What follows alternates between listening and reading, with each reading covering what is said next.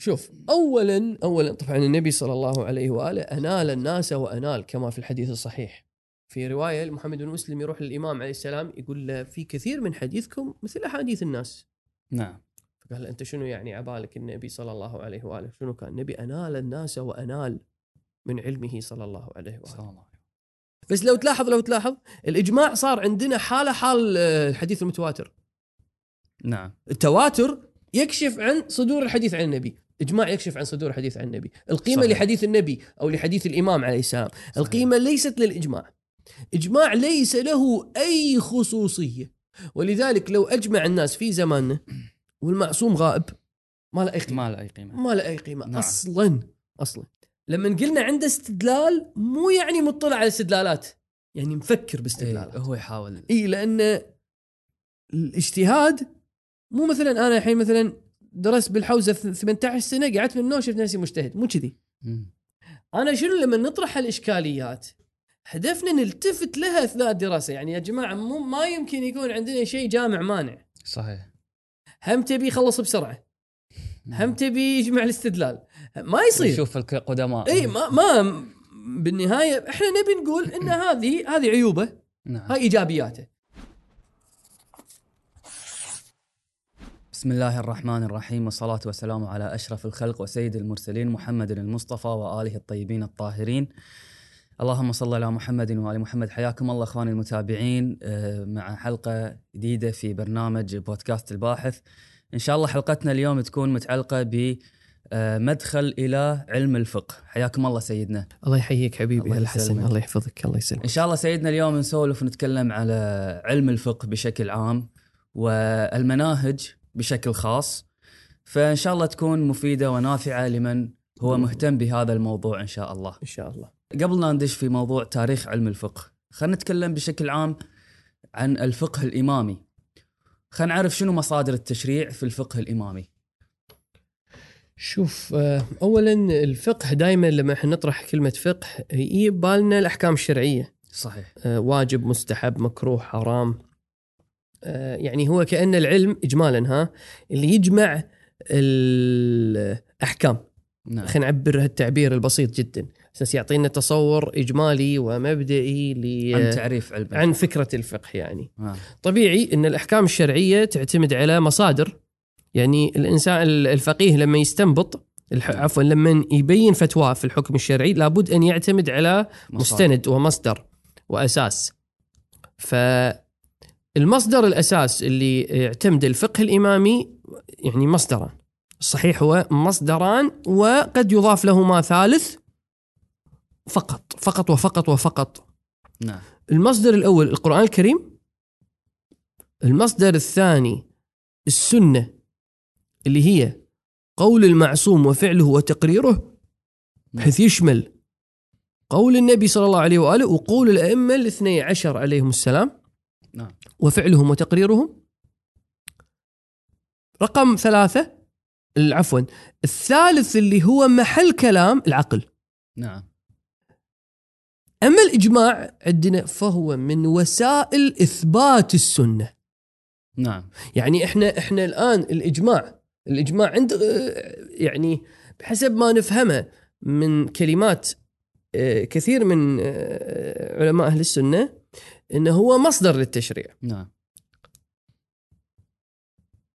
وإن كان في بعض كلماتهم ما يقارب كلامنا من جهات أخرى مو مو بمعنى مثل إحنا نقول يكشف عن قول المعصوم. لا لا الحين راح أوضح إن شاء الله. أي. بس الحين أبي أبين إن إحنا اللي عندنا مصدران والثالث على كلام. اللي هو العقل. كتاب والسنة والعقل. نعم. نعم جرت العادة إن العلماء يقولون مصادر التشريع الكتاب والسنة والعقل والإجماع. والإجماع. هذا التعبير جاء في الظاهر أنه جاء في مقابل المتعارف عند أهل السنة اللي هي مصادر التشريع الكتاب والسنة والإجماع والقياس. هذا هو المتفق عليه عند أهل السنة غير طبعا مثل الظاهرية وكذا. نعم. زين هذه المصادر الاربعه البعض يضيف لها يضيف لها مصادر.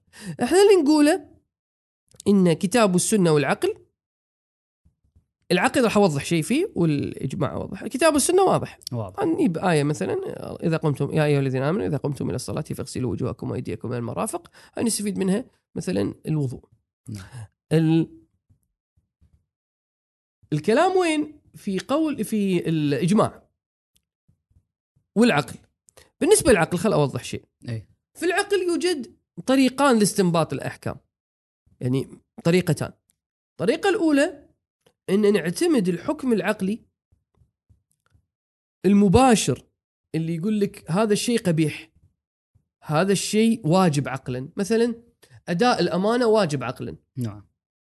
نستفيد منه حكم شرعي وهو إن وجوب آه، إن أداء الأمانة واجب شرعا. نعم. ملازمة بين حكم العقل وحكم الشرع حكم الشرع. هذه يسمونها المستقلات العقلية. يعني العقل أول شيء يحكم حكم مستقل عن الشرع ثم ننتقل منه إلى ويستنبط الحكم منه. حكم يعني. نعم نست... نعم يعني نثبت حكما شرعيا مطابقا للحكم العقلي. نعم. هاي رقم واحد. رقم اثنين الحالة الثانية لا تكون في عندي حكم شرعي. مهم. وأنا من خلال لوازمة العقلية أثبت حكم شرعي جديد. نعم. شلون مثلا؟ مثلا عندي حكم شرعي يقول إن ال- الغصب حرام. أنا أبي أنتقل منه إلى أن الصلاة في الثوب المغصوب أو على المسجد المغصوب باطلة. شوف أنا رحت حق حكم شرعي جديد مع إنه ما عندي رواية تقول لي إن الصلاة في الثوب المغصوب باطلة. نعم. أو في أو على المسجد المغصوب باطلة. لكن أنا شنو بوصل؟ أبي أقول هذا الحكم الشرعي أو هذا آه، من خلال الحكم بحرمة الغصب أنا استنبط منه حكم ببطلان العمل. ليش؟ لأن الصلاة عمل عبادي والعمل العبادي لابد أن يكون مقربا في الواقع. فلا يمكن أن يكون المبغوض مقربا أو المبعد مقربا. مثلا هذا بعض الوجوه اللي قد تذكر نعم. في تصوير هذا. المطلب. فنستفيد بما أن ال- مثلا نستفيد أنه آه، بطلان العمل من خلال حكم شرعي. هذا الاستفادة عقلية مو شرعية. نعم. فهذا طريق ثاني لحكم العقل يسمونه في ال- ملازمات العقلية. نعم ملازمات نعم غير المستقلات العقلية. نعم. لأن في حكم شرعي من خلاله أثبت آه، من حكم شرعي ثم بالعقل أثبت حكم شرعي أي. آخر. واضح. هاي طريقتان. طبعا محل كلام هذا. كلام. م- متى بدأت التقسيمه هذه؟ تقول صارت مقابل أهل السنة. شنو اللي صار اللي المقابل؟ هو الكتاب والسنة والعقل والإجماع. تقول بعض العلماء طرحها مقابل أهل السنة لأن السنة يقولون الإجماع والقياس. فالبعض قال أخرج القياس مثلا وثبت هذيله ما عندي رصد تاريخي دقيق. مهم. صراحة. ما أقدر أقول أن حاليا ما عندي رصد تاريخي دقيق فعلا لمثل هذا التقسيم تقسيم. نعم. نعم. يعني أقدر أقول أول واحد طرحها صراحة. مو معلوم عندي فعلا. أقدر أقوله لا. إنزين. زين لكن أقدر أقول هو مو يعني قديم هو. نعم. نعم. موجود. بس هذا تعبير مصادر التشريع أنت شفت تعبير مو دقيق؟ لا لا لا لا. تعبير يعني جديد شوية. أها. يعني مثلا أنت إعلام الحلي ما راح يقول لك مصادر التشريع. يعني ما يبي إيه. شيء تعبير يعني. ملاحظ؟ ما راح يتكلمون بهالطريقة هذه بس انه الآن بس شنو يعبرون كانوا عن هالمطلب؟ يعني في أدلة أدلة الأحكام. أدلة الأحكام. هو شنو؟ هو هذا كلام أصول فقه صح؟ نعم. أصول الفقه يعني شنو؟ يعني أدلة الفقه. نعم. فالكتاب السنة العقل إجماع مدري القياس يبحثون واحد واحد إيه. ويناقشونه. صحيح. هاي الطريقة اللي كانت موجودة بشكل عام قديما في آه، أصول الفقه يعني. صحيح. فعند السنة على هالكلام يكون أكثر أصلا حتى من أكثر نعم من لكن هذه يمكن. الأربعة متفق عليها بين المذاهب الأربعة. اي لأن عندهم مثلا آه، عمل أهل المدينة أو هذا مالك مثلا عمل إيه. المدينة مصالح مرسلة مدري اللي سد الذرايع، مدري إيه. إيش هذا. هاي كلها أدلة الأحكام عندهم ف... نعم. فممكن يشملها عندهم يعبر نعم لكن مصادر لكن التشريع. للإنصاف لكن للإنصاف. بعض علماء السنة قالوا إن هذه تشبه تشبه أو هذه تكشف أيضا عن السنة. عندهم كذي كلام ما أقول ما أقول إن الكلام مقبول عندهم كلهم أو لا صراحة إيه. لكن في بعض الكلمات من هالقبيل موجودة خصوصا عند ابن تيمية وتلميذه ابن القيم تلقى كذي نوع من التصويرات لحقيقة القياس أو لحقيقة الإجماع. نعم في الإجماع في شيء مثلا واضح وايد يعني الآن مثلا هذا كل ما أدري يعني كل أهل السنة يثبتون مثلا خلافة أبي بكر بالإجماع. طبعا خلافة أبي بكر راح تكون شيء مثل فقهي يعني. نعم يثبتون خلافة أبي بكر بالإجماع لأن الإمامة من الفروع إمام الفروع فهم يثبتون بالإجماع طيب نعم.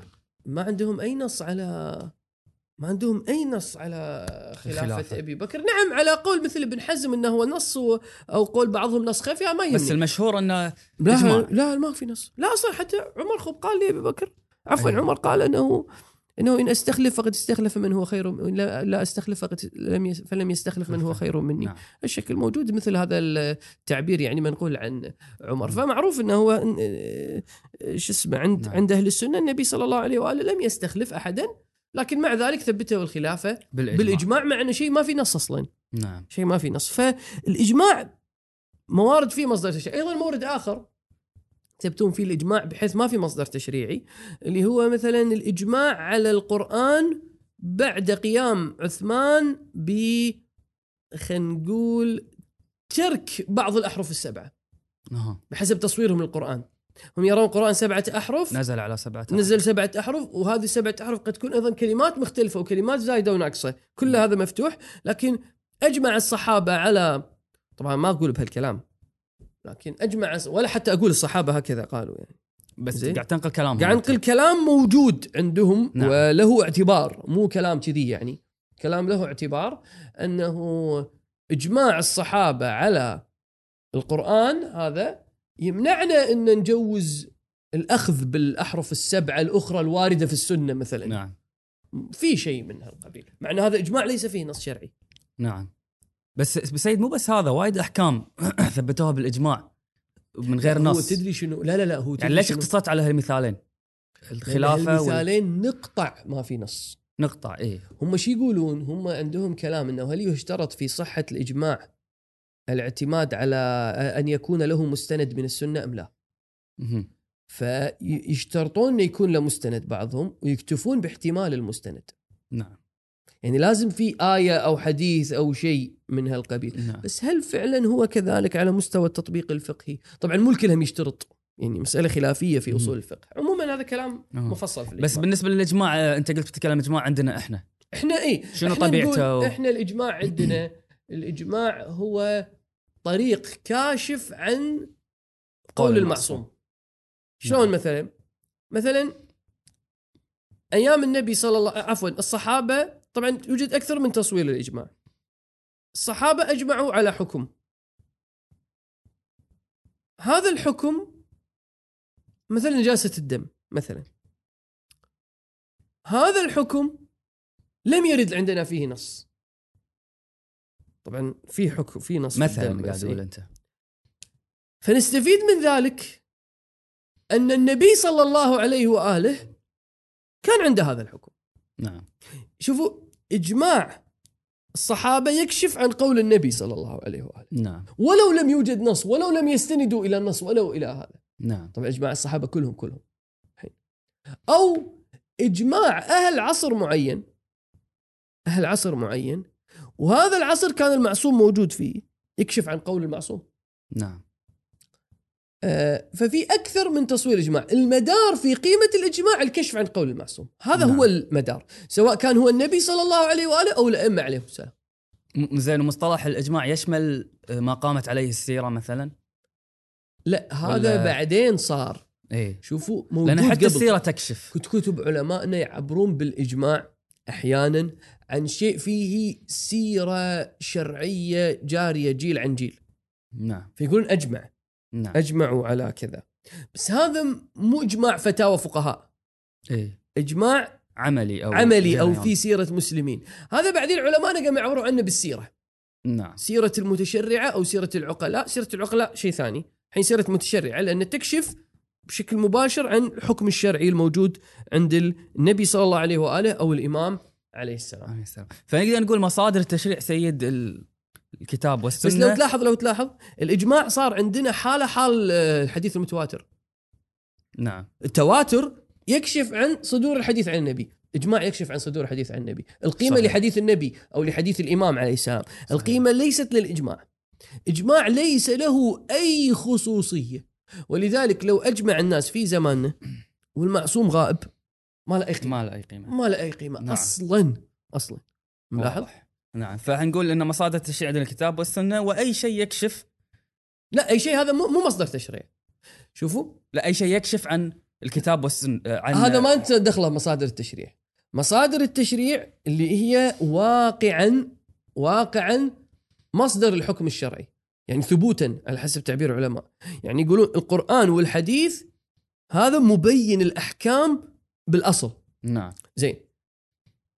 الآن شلون أثبت القرآن شلون أثبت الحديث شلون أثبت أن هالشيء صدر نعم هذا السؤال منو يجاوبه؟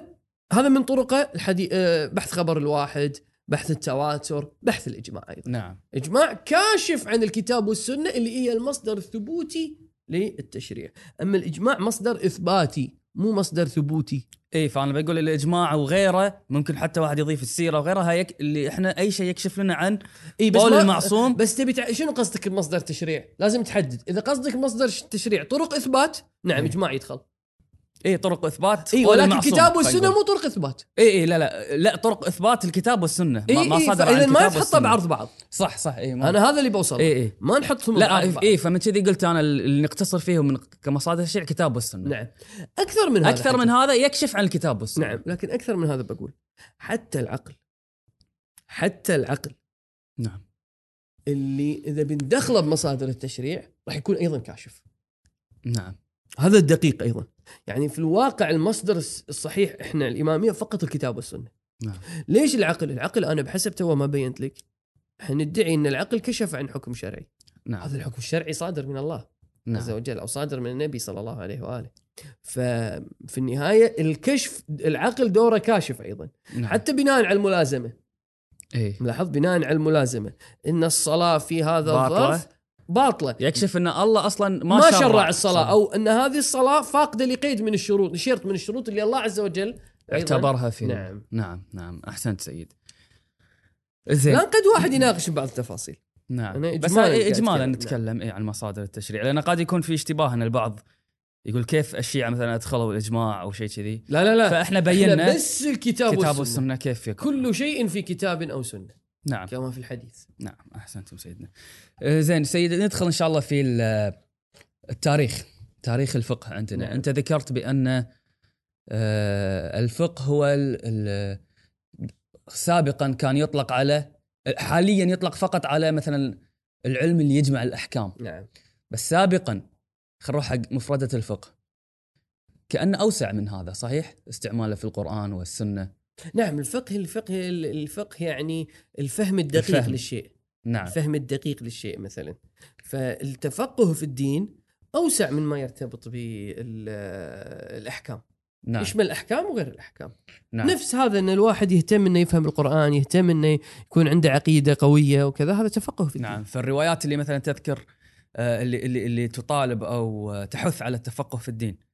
مو خاص بالأحكام الشرعية. مو خاصة بالأحكام حتى الشرعية. العقائد حتى القرآن. نعم نعم. أي شيء ما يت... أي شيء تفقهوا يتعلق في الدين بالدين. ولا تكونوا أعرابا. تفقه في الدين. أو مثلا النبي صلى الله عليه وآله لما قال أنه آه، لما أمر الناس بالتبليغ قال فرب حامل فقه غير فقيه. ورب حامل فقه إلى من هو أفقه منه. واضح؟ آه، نضر الله امرأ سمع مقالتي فوعاها وبلغها من لم يسمعها. نعم. جيد فرب حامل فقه ليس بفقيه ورب حامل فقه إلى من هو أفقه منه نعم فهذا مقالة سمعها ووعاها أعم من نعم. ما ترتبط بالأحكام الشرعية الشرعية. وغير أحكام الشرعيه شؤون الدين. عموما شؤون الدين شؤون الدين نعم عموما لكن في زماننا صار في انصراف لهالكلمة اللي لا حتى أحكام. حتى موجود أيام الأئمة ترى عليهم السلام تقصد شنو موجود أيام تعبير فقيه يعني أحكام؟ أحكام موجود نعم. نعم, نعم. موجود أيام الأئمة عليهم السلام. نعم. أيام يعني أيام أيام الإمام الصادق عليه السلام تعبير فقيه ينفهم منه يعني مهتم ببيان الأحكام. نعم. فتفقهوا في الدين زين. لا روايات في الإمام القرآن الصادق. أتكلم الحين. لا لا ال ال ال مثل رواية الإمام الصادق تفقهوا في الدين. ولا تكونوا أعرابا ولا مثلاً. تكون إيه. هل قصد الأحكام فقط؟ لا، إيه، أعم. ممكن نعم. يكون يعني. نعم لكن نعم. أبي أقول التعبير موجود في نعم. مثلا فلان فقيه مثلا شوف في رواية في رواية آه، اللي يقول آه، في واحد من الرواة آه، بعد العمل أعمال الحج ما قصر أو عمره ناسي الحين أنا ما قصر. نعم. فأراد أن يأتي أهله. نعم. فقالت له ما يصير. أنت ما قصر هي. اي وهو مصر. اي فهي خذت من شعرها وعضته. كمان قصرت. اي واضح؟ فالامام عليه السلام قال له كانت أفقه منك. إي. واضح؟ هني بنلاحظ أحكام الشرعيه صحيح. تمام؟ فروايه صحيحة هذه. زين؟ فالإمام عليه السلام يقول كانت أفقه منك. بلحاظ إنه موجود هذا التعابير. يعني ليش الإمام اختار أفقه؟ اي ملاحظ أعرف يعني أعلم. بالحكم. نعم. ملاحظ هذا في شواهد على أنه مثلا إن أن العصابة أجمعت على أجمعت على فقاهة مجموعة عفوا أجمعت العصابة على فقاهة جماعة وتصحيح ما يصح عنهم. نعم. تمام؟ وأقروا لهم بالفقه. نعم. زرارة ومحمد بن مسلم وطبعا تصحيح ما يصح عنهم مجموعة ثانية لكن أو أن الفقهاء. الفقهاء من أصحاب أبي أصحاب- عبد الله نعم. أو أبي جعفر وأبي عبد الله عليهم السلام. اللي هم زراره ومحمد بن مسلم نعم. وبريد بن معاوية وفضيل بن يسار معروف بن خربوذ أبو بصير. هذيلا فقهاء أصحاب أبي عبد الله يعني فقهاء نعم. يعني أحكام. صحيح. ولذلك كانوا يقولون مثلا مؤمن الطاق متكلم هشام بن الحكم متكلم. نعم صحيح. كان في هذا التمييز موجود أيام. الأئمة عليهم السلام. نعم واضح.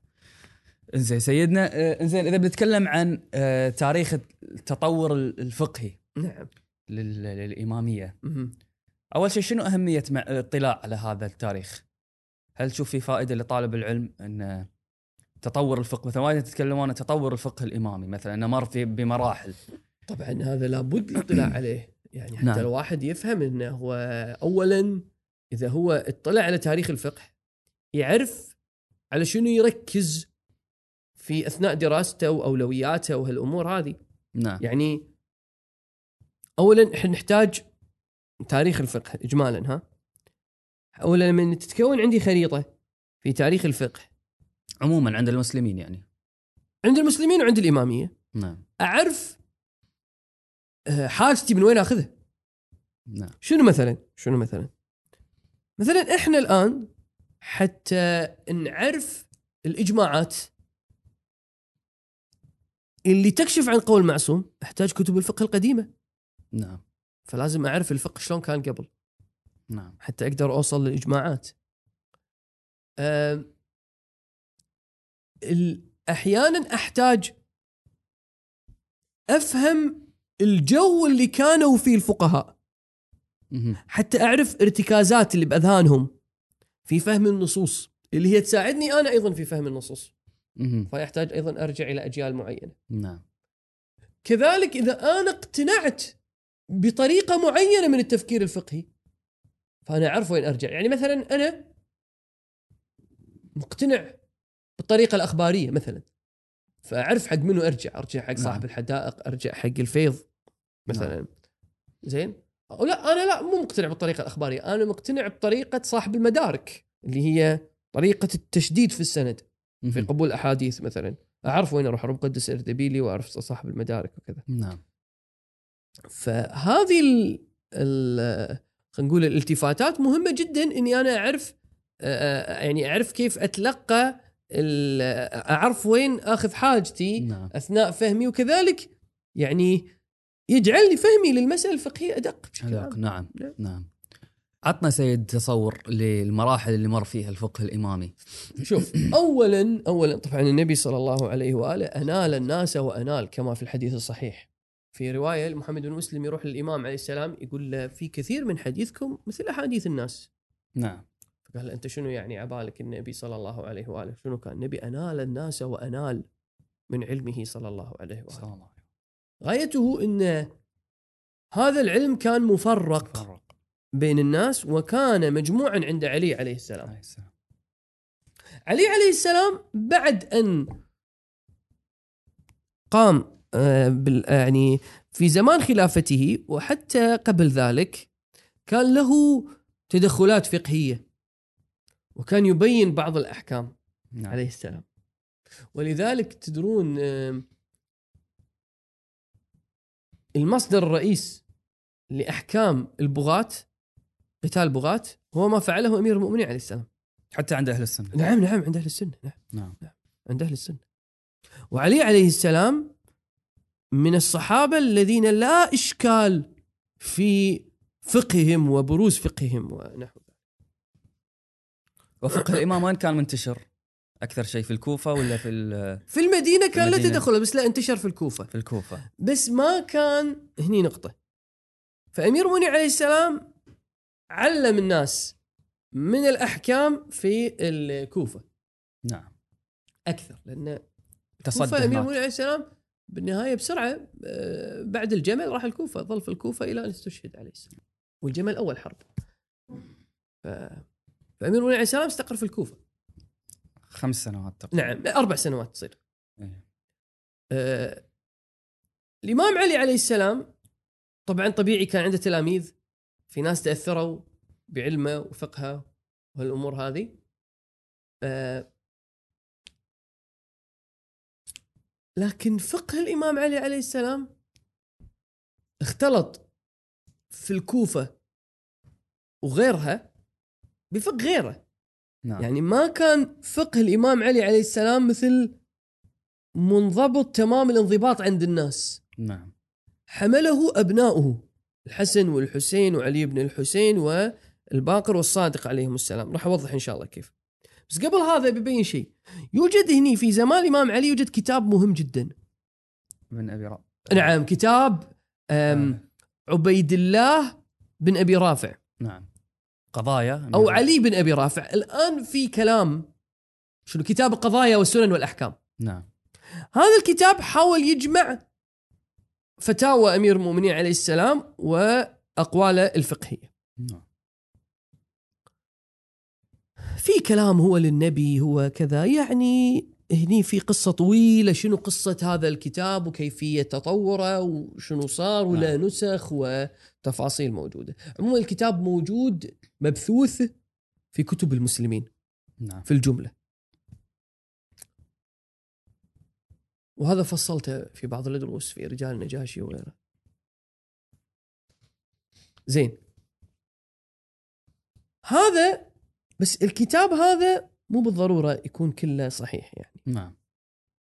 باختلاف نسخة أو شيء.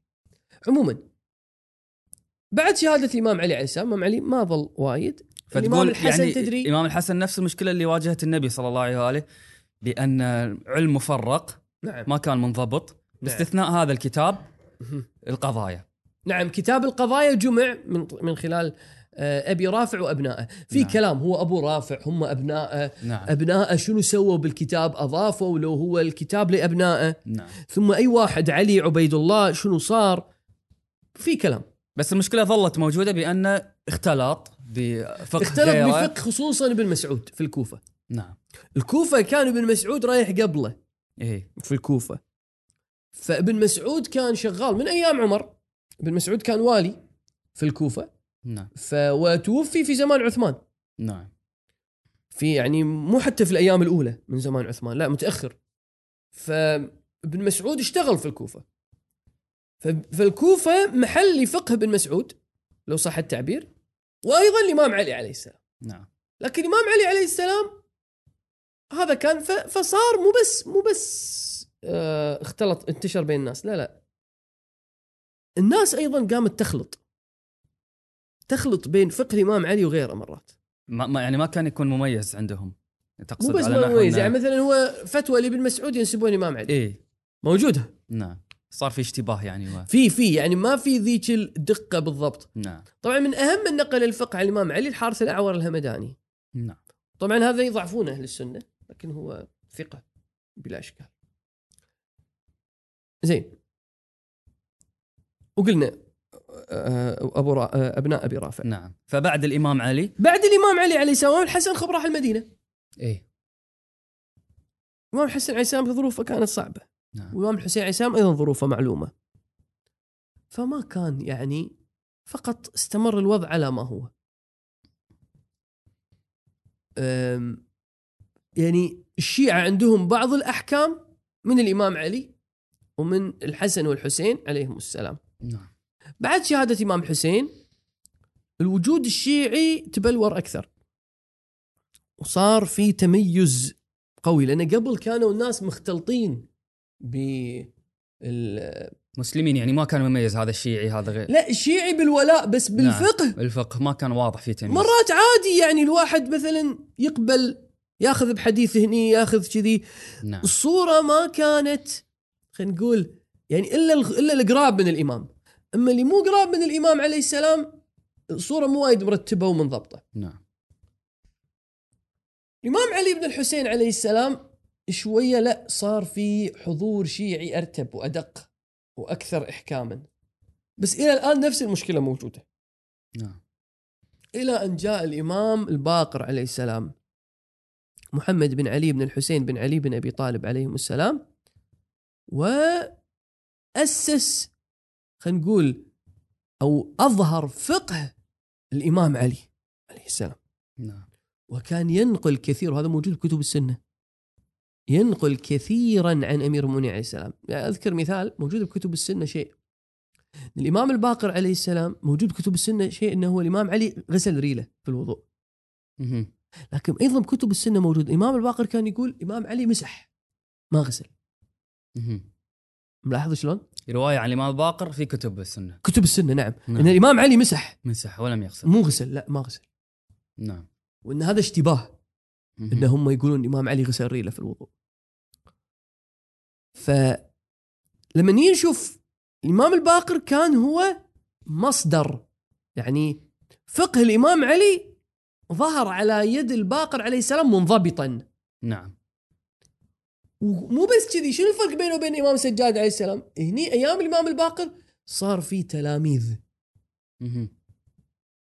ناس فقهاء من تلاميذ الإمام الباقر عليه السلام. زين شنو السبب سيد ال- ال- النقلة هذه؟ خلينا نقول. تيسر الأمور. تيسر الظروف. من ناحية الظروف السياسية نعم. شنو شنو صار؟ لأن هي الدولة الأموية كانت موجودة من زمن السجاد أيضا موجودة زمن الباقر. شوف شوف شوف. فشنو صار بالضبط؟ شوف. الامام علي الامام الحسن الامام الحسين هم الثلاثة كانوا يعني العين عليهم بتقول؟ مو بس العين عليهم كانوا يشكلون خطورة نعم. بشكل عام. الإمام علي بن الحسين الحين ما ندري شلون يتعاملون وياه. إيه. الإمام علي الحسين أعطاهم جو إن إحنا ما راح نتحرش لو صح التعبير يعني. نعم. إحنا ما يعني إحنا آه، خلوني بحالي. نعم. واضح؟ فكان معروف عنه بانه آه حتى بالحرة ما. شارك. بالحرة ما شارك. نعم. بالحرة ما شارك أصلا ولا سوى شيء بالحرة. نعم. مع إن هي ثورة على اللي قتل أباه عليه السلام. نعم. بالحره ما. يعني عطى جو الإمام السجاد عليه وعرف عنه جو شخص العبادة. عبادة نعم جو متعبد. العبادة وهالأمور. جو المسالمة العام جو لا تأذون خلاص الأمور.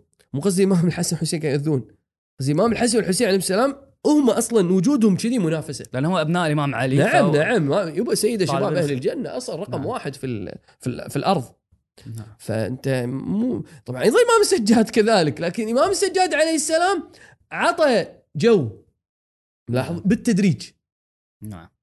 وتوفي عليه السلام سنة 95 فخلاص صار التركيز على أهل البيت ضعف. خف شوي. خف. نعم. ما أقول ماكو تركيز. بس أقول في بس أقول خف. نعم. فصار الأمور مهيئة. ثم الجو البيئة الإسلامية اللي كانت موجودة بذاك الزمان جو الفقهي صار أفضل. جيل عن جيل يعني صار فيه اهتمام بالعلم أكثر من قبل. آه نعم. ففي احتمال إن أصلا ظروف ظروف الجو العام. من الناحيه العلمية مو بس نعم، نعم. سياسية. يعني أنت الآن صار في كتب تحرك صار كتب في السنة وين كتب الفقه؟ تتأخر. صحيح. كتب السنة في كتب الفقه تتأخر. نهاية القرن الأول القرن الثاني. نهاية الق... نادر تحصل شيء. إيه. لكن القرن الثاني تشوف حضور. بدا. نعم. بدايات القرن الثاني وتكمل تشوف حضور. فلما نشوف الإمام الباقر والصادق عليهم السلام هني لا صار في تأسيس تلاميذ ويروحون ويسافرون ويعلمون ويكتبون. ملاحظ مصنفات وتنسخ نعم. بين الشيعة وكل هذا كله كان لا هني اختلفت الحسبه اختلفت نعم. فتقدر تقول هني تأسس فقه أهل البيت عليهم السلام بصورة منضبطة. نعم. تمام؟ منضبطة. فمن زمن بالنسبة بالنسبة لما قبل. نعم. ما أقول ما قبل ماكو أحكام. لا إمام علي موضح. النبي صلى الله عليه وآله موضح قبل الامام علي عليه السلام. والحسنين عليهما السلام أيضا جرى على نفس الماء كذلك الإمام علي بن الحسين عليهم السلام جميعا. لكن أيام الإمام الباقر عليه السلام صار في عملية ضبط للأحكام وتمييز الحكم الشرعي صح وخطأ. صار في تمييز يعني ما يعني تجنب الاختلاط؟ نعم. اثنين في تلاميذ فقهاء. صاروا يقصدون الإمام أحسنت. بحنا ويفقههم ويعلمهم. وبعد وصار عندنا آه تلاميذ هذول يطلعون يدعون. نعم. هذاك يروح مؤمن الطاق يقول له شلون أهل البصرة؟ ما شنو يقول له؟ يقول له كيف رايتهم رأيتهم في الاستجابة لهذا الأمر؟ تقريبا كذي مضمون الحديث. فيقول قليل. يقول عليك بالأحداث. مهم. امام الصادق عليه السلام صغار يعني. إي الأحداث يقول عليك بهذيلة توجههم. أهل البصره البصره معروفة بالنصب. نعم. لاحظ؟ فمع ذلك الإمام كان عنده ناس تتحرك هناك. نعم. فكان في حركة حتى خراسان حتى هذه المناطق كلها كان في حضور آه، تدريجي لعلماء الشيعة فقهاء الشيعة وتأثيرهم ودخولهم. فهذا اجمالا نقول المرحلة الأولى كانت من زمن النبي إلى السجاد. عليه السلام. نعم. هاي مرحلة بيان الأحكام بيان الأحكام اجمالي اجمالا. إجمالي. نعم. طبعا بيانه كامل لكن مفرق مو, مو و... مع الضبط. عملية الضبط. عملية الضبط والتدقيق والنشر الدعاة وهالأمور في عهد الباقر باقر والصادق. عليهم السلام إلى الأئمة. اللي بعدهم هم عليهم السلام. نعم. واضح إن شاء الله؟ في هالعصر ظهر للشيعة فقهاء بالإضافة إلى أئمتهم عليهم السلام نعم عرفت شلون؟ فلذلك صار لما نقول إحنا تسمية الفقهاء من أصحاب أبي جعفر وأبي عبد الله يقول لك زرارة، محمد بن مسلم، بريد بن معاوية العجلي، ال- أه، فضيل بن يسار، أبو بصير ومعروف بالخربوذ. نعم تروح حق أصحاب الصادق عليه السلام مثلا يقول لك أه، حماد بن عثمان، أبان بن عثمان، حماد بن عيسى، جيد؟ يذكر لك جميل بن دراج هذيله أصحاب الب... الكاظم عليه السلام مراحل الأخرى الكاظم والرضا عليه السلام مثلا ابن أبي عمير يونس بن عبد الرحمن أم، حسن بن محبوب شو اسمه؟ أه، صفوان بن يحيى أحمد محمد بن ابي نصر البزنطي هذيلا في الجيل الثالث. فصار في أجيال فقهاء جيل بعد جيل لهم تدقيقات في الروايات لهم جمع بين الروايات. نعم. يقول له هذه الرواية مو كذي هذه الرواية كانت تقية هذه الرواية مخصصة. هذه نعم. الرواية صار في فقه. نعم. فقه بكل ما تحمله الكلمة من معنى آه، يقدر يكون في عرض الموجودين من غير آه، فقهاء أهل البيت. عليهم السلام زين هذا الحين سيد في المرحلة الثانية، المرحلة الثانية زين شنو صار في صار في تصانيف مستقلة في الفقه عند نعم. يعني اللي ذكرت أسمائهم. نعم.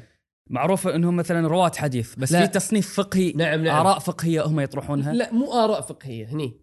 يعني مثلا تشوف مثلا يكتب كتاب مثلا حريز بن عبد الله سجستاني يكتب كتاب الصلاة. صح. يجمع روايات الصلاة عن ثقات الفقهاء. كان حقيقة فقههم النقل عن الأئمة. عليهم السلام. نعم. لكن مرات شنو يقول يقول لك؟ يعني يستنبطون. شلون يستنبط؟ يعني ياخذ بإطلاق أو عموم. في رواية إن أبو حنيفة راح حق المفروض حريز الحين على ذاكرتي حريز. فقال حق حريز إذا جبت لك بعير من البحر تاكله ولا ما تاكله؟ قال له إذا عليه فلوس. أكله ما عليه فلوس ما أكله عليه القشر يعني فلس إيه. اي الفلس هذا يعني ال... يعني إحنا لأن نشترط في جواز الأكل البحري إنه يكون عليه فلس فيقول له اذا يقول أنا ما تقول لي شو اسمه هو شنو جايب أبو حنيفة بيقول له بيقول له أنا بجيب لك مسألة ما فيها نص اي فهمت شلون؟ إيه. يجيب لك مسألة ما قال لا أنا عندي نص قال شنو؟ قال له إذا في فلس أكله ما في فلس ما إيه. ملاحظ؟ هذا الشيء موجود كان عندهم في فيطبق قاعدة هو. يطبق الإطلاق أو العموم نعم هذه الظاهرة كانت موجودة عند أصحابنا ملاحظ؟ نعم حتى أحيانا يقول ليس عندي في هذا شيء ولكن حدثني أبو عبد الله عليه السلام يعطي قاعدة عامة يطبقها على عليها. المورد مثلا نعم نعم كانوا هكذا بس أقصد من ناحية تصنيف الكتب هل يعني مثل ما صار مثلا حتى الكتب الكتب العفو الكتب إيه؟ فيك مثلا الحين كتاب الصلاة ما هو مجرد جمع احاديث هو جمع أحاديث متضمن لفتوى. لذلك أعطيك مثال. الآن يونس بن عبد الرحمن من رواة الفقهاء. نعم. لو تفتح الكافي كتاب الزكاة راح تشوف في مجموعة من روايات يونس بن عبد الرحمن يعلق. هو يونس نفسه اي اي يعني. كليني يقول قال يونس. نعم. بعد ما يروي الحديث عن يونس نعم. يروي بعدين يقول قال يونس. مثلا حديث في الزكاة يقول إن ال- الزكاة في تسعة أجناس فقط. نعم. فيقول له هذا يقول كذي يعلق يقول هذا قبل أن تجعل الزكاة في بقية الأصناف لأن كان يونس يفهم من الروايات إن الزكاة تشمل كل الحبوب. مو خاصة بالأجناس التسعة. إيه. فيعلق هو على الرواية. هذه كان هذا كان هكذا كان فقههم. نعم. كانوا يجمعون بين الأخبار لكن ما عندهم قياس ما عندهم أرأيت وأرأيت وكذا. يعني نعم. مثلا أنت لو تقرأ كتاب محمد حسن الشيباني عنده كتاب اسمه الأصل والفرع يمكن. أو الأصل الحين مو حاضرني اسم الكتاب بالدقة. أظن كذي اسمه. نعم. عموما محمد حسن الشيباني شو يقول؟ يعني شوف طريقة الاستدلال شوف طريقة القياسات. هذا مستحيل تلقاه عند جماعتنا. مستحيل. واللي يسويه يقاطعونه. نعم. لأن أئمتنا عليه السلام شددوا في على إبطال. الرأي والقياس. نعم. نعم. نعم. زين آه زين تقول في تصنيفات بأن يجمعون الر- الر- الروايات؟ ويصدرون فتاوى. ويعتبرون هذا الجمع فتوى. نعم. في مقام الاعتماد بأن هذا فت- فتوى مثلا يونس فتوى. جميل فتوى مثلا نعم. فلان. آه بس في شيء مثلا نفس ما اللي سواه مثلا خلينا نقول الشيخ الصدوق انه هو أصلا يصيغ ك- كلامه حسب الروايات. مو لا لا ما هذا يروي بعدين. إيه هذا هذا بعدين. ما كان موجود. لا لا هذا الحين ما أدري بالضبط ما أقدر أقول ما كان موجود أقول ما شفنا له ما شفنا شواهد ما. شفنا شاهد على هذه الطريقة في الفتوى. نعم. شوف أنت بتعرف طريقة الفتوى يعني بشكل وايد واضح. أنا بس آه، آه، أجيب لك مثال حتى تشوف الصورة بس. في كتاب الكافي هذا النص مثال حق يعني فقه أصحابنا. نعم. في الكافي الجزء السادس صفحة 508 طبعا دار الكتب الإسلامية. يقول كنا بالمدينة يعني بن أبي عفور كنا بالم- بالمدينة فلاحاني زرارة في نتف الإبط.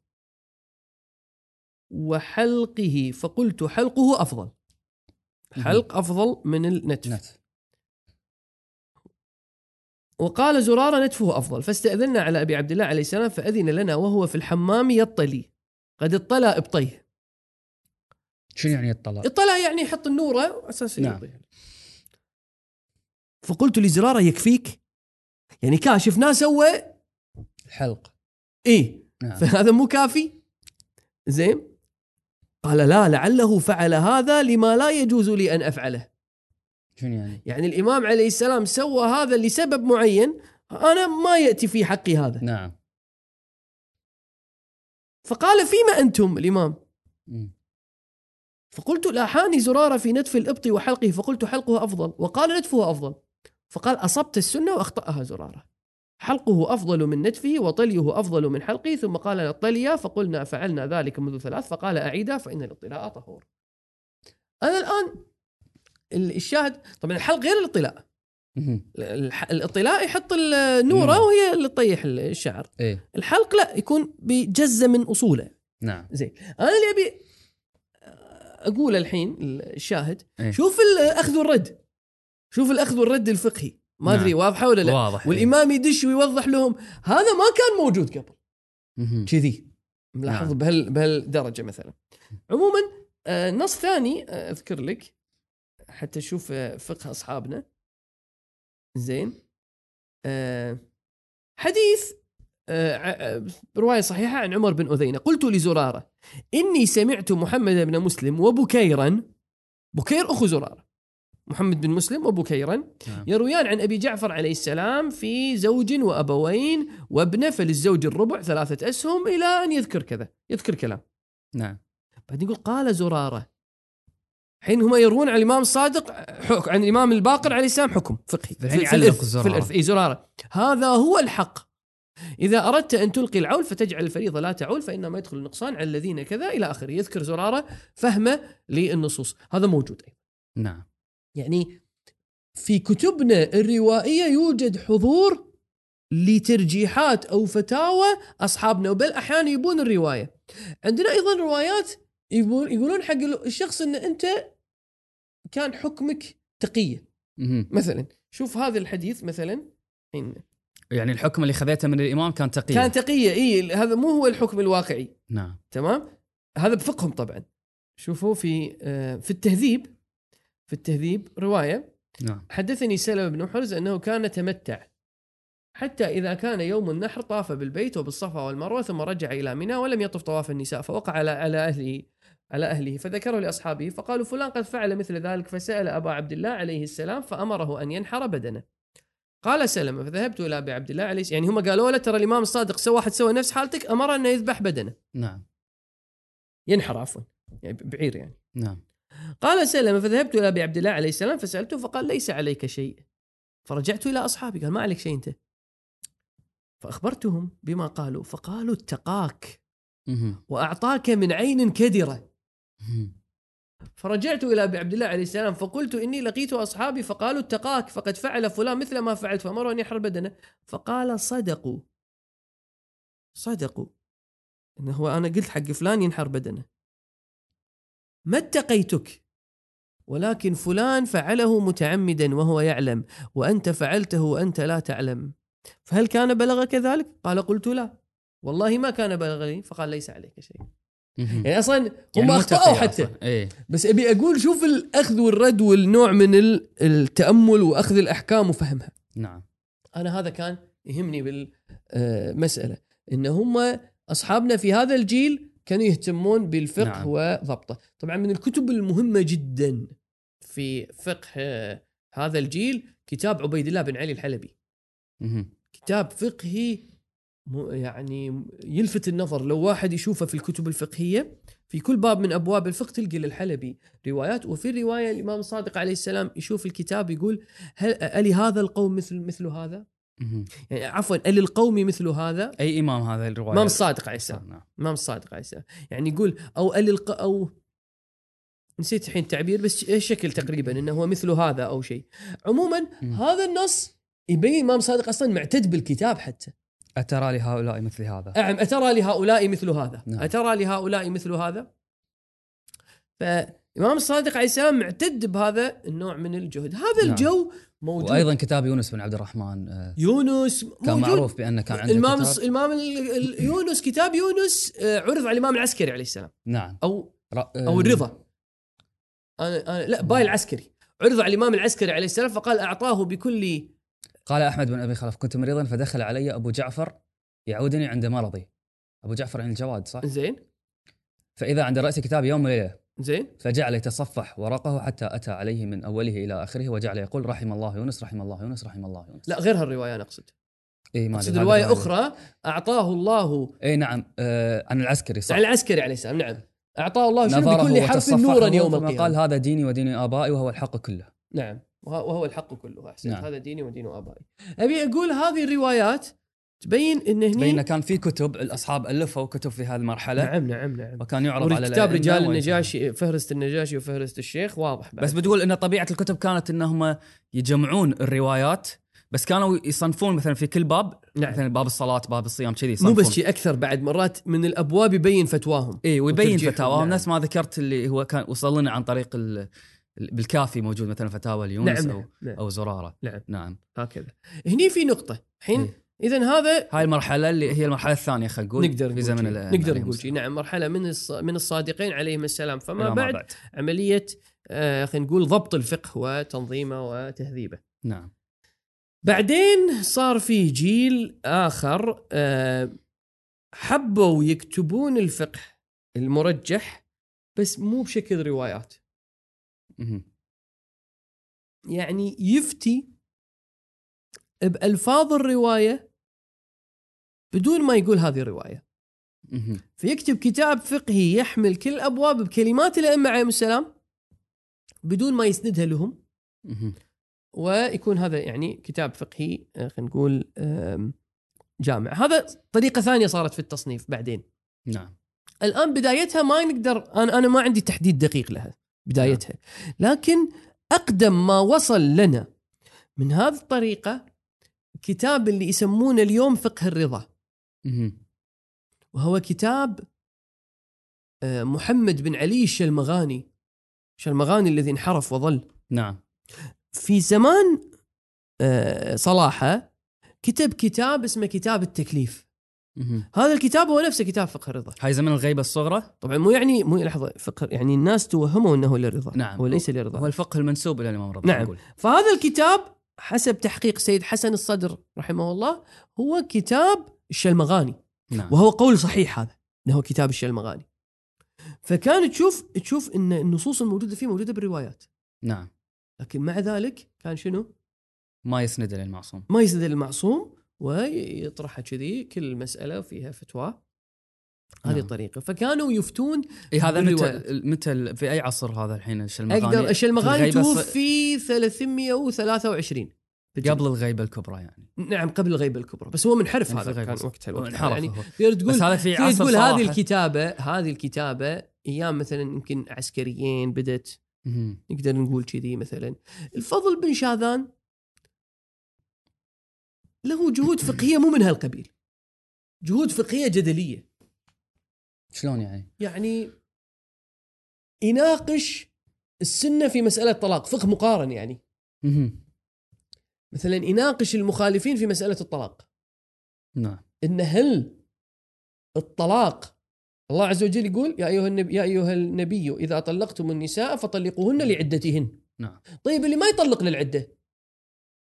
طلاقه باطل لو سوى حرام. مهم. يعني يطلقها وقت الحيض. مهم. إحنا نقول باطل. هم يقولون حرام. إثم يعني. بس يترتب بس يقع الوضعي خلينا يقع الطلاق. يقع. فكان النقاش إن النهي الموجود في عفوا الأمر اللي فيه فطلقون لعدتين اللي يخالفه يبطل طلاقه لو ما يبطل. ففي هالشيء موجود. نعم. آه، هالنوع من واصل لنا. هذا موجود ضمن في الكافي. الكليني ناقل آه، نص مفصل لفضل بن شاذان في شيء من هالقبيل. أبي أقول أبي أقول إن إحنا الآن شنو كنا؟ الأجيال الأولى إمام علي عليه السلام إلى الإمام الباقر عليه السلام. نعم. هذا جيل من الباقر عليه السلام أئمة عليهم السلام هذا ضبط الفقه. ضمن ضبط الفقه صار في جدالات فقهية. في المتعة في آه، الأحكام اللي يتميزون فيها الشيعة. ملاحظ؟ منها الطلاق أحكام الطلاق عندنا. نعم. أحكام الطلاق عندنا إحنا لها خصوصية كذلك أحكام الإرث. الطلاق الإرث بعض الوضوء. ال...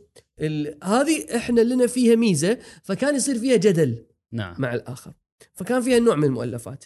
بعد هالجيل نقدر نقول عندنا الجيل اللي هو ألف الفقه الروائي الفقه المأثور لو صح التعبير. هذا أقدم شيء عندنا وصل لنا كتاب الشلمغاني لكن مو بعيد يكون في أشياء قبله. نعم. مو بعيد يكون في أشياء قبله لكن ما عندنا أو ما عندي أنا نظرة واضحة من وين بدا. نعم. حتى أقدر أقول لك يعني لأنه كثير من الكتب مفقودة نعم. فعلا.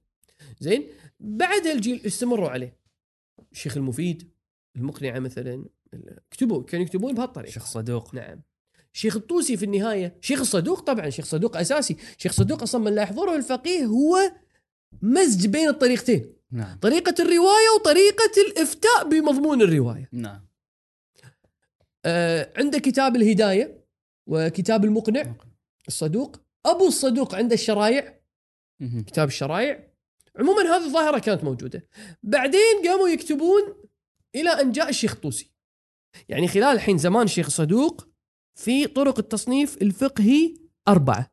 نعم. واحد ذكر الروايات مثل الكليني مثل الكافي اثنين تجريد الرواية من الإسناد. ثلاثة الدمج بين طريقتين مثل ما لا يحضر الفقيه. نعم. أربعة ال- شو اسمه؟ فقط الفتاوى. المفق المقارن. هذه طرق أربعة. مهم. ملاحظ؟ نعم. أستاذ المفيد اللي هو ابن الجنيد بغدادي طرح الفقه بشكل شوية لا فقه مقارن بس مع تهذيب وترتيب واستدلالات وأشياء مطورة. مهم. ما قبل. لأنه كان في قول أنه هو يقيس. الشيخ المفيد ينسب له القول بالقياس. نعم. فما كان مقبول. إلى أن جاء الشيخ الطوسي. الشيخ الطوسي عنده نص مهم في ال في المبسوط يقول عبارة شوف شو يقول. أما بعد فإني لا أزال أسمع معاشر مخالفينا من المتفقهه والمنتسبين إلى علم الفروع يستحقرون فقه أصحابنا الإمامية. ويستنزرونه. وينسبونهم إلى قلة الفروع وقلة المسائل ويقولون إنهم أهل حشو ومناقضة. مهم. طبعا لليوم. هو مو مشكلة. وإن من ينفي القياس والاجتهاد لا طريق له إلى كثرة المسائل ولا التفريع على الأصول. مهم. لأن جل ذلك وجمهوره مأخوذ من هذين الطريقين الاجتهاد والقياس. اجتهاد النظر يعني. نعم. وهذا جهل منهم بمذاهبنا وقلة تأمل لأصولنا. ولو نظروا في أخبارنا وفقهنا لعلموا أن جل ما ذكروه من المسائل موجود في أخبارنا ومنصوص عليه تلويحا عن أئمتنا الذين قولهم في الحجة يجري مجرى قول النبي صلى الله عليه وآله. إما خصوصا أو عموما أو تصريحا أو تلويحا. وأما ما كثروا به كتبهم من مسائل الفروع فلا فرع من ذلك إلا وله مدخل في أصولنا ومخرج على مذاهبنا. لا على وجه القياس بل على طريق طريقة توجب علما يجب العمل عليها ويسوغ الوصول إليها أو المصير إليها من البناء على الأصل وبراءة الذمة وغير ذلك مع أن أكثر الفروع لها مدخل فيما نص عليه أصحابنا. وإنما كثر عددها الفقهاء لتركيبهم المسائل بعضها على بعض وتعليقها والتدقيق فيها. حتى إن كثير من المسائل واضحة إلى آخر كلامه. نعم. طبعا بعدين يقول يقول آه لحظة شوف آه وكنت على قديم الوقت وحديثه. مكتوب منشوق. النفس إلى عمل كتاب يشتمل على ذلك تتوق نفسي إليه. يعني أجيب الفروع مفص- مفصل في الفروع.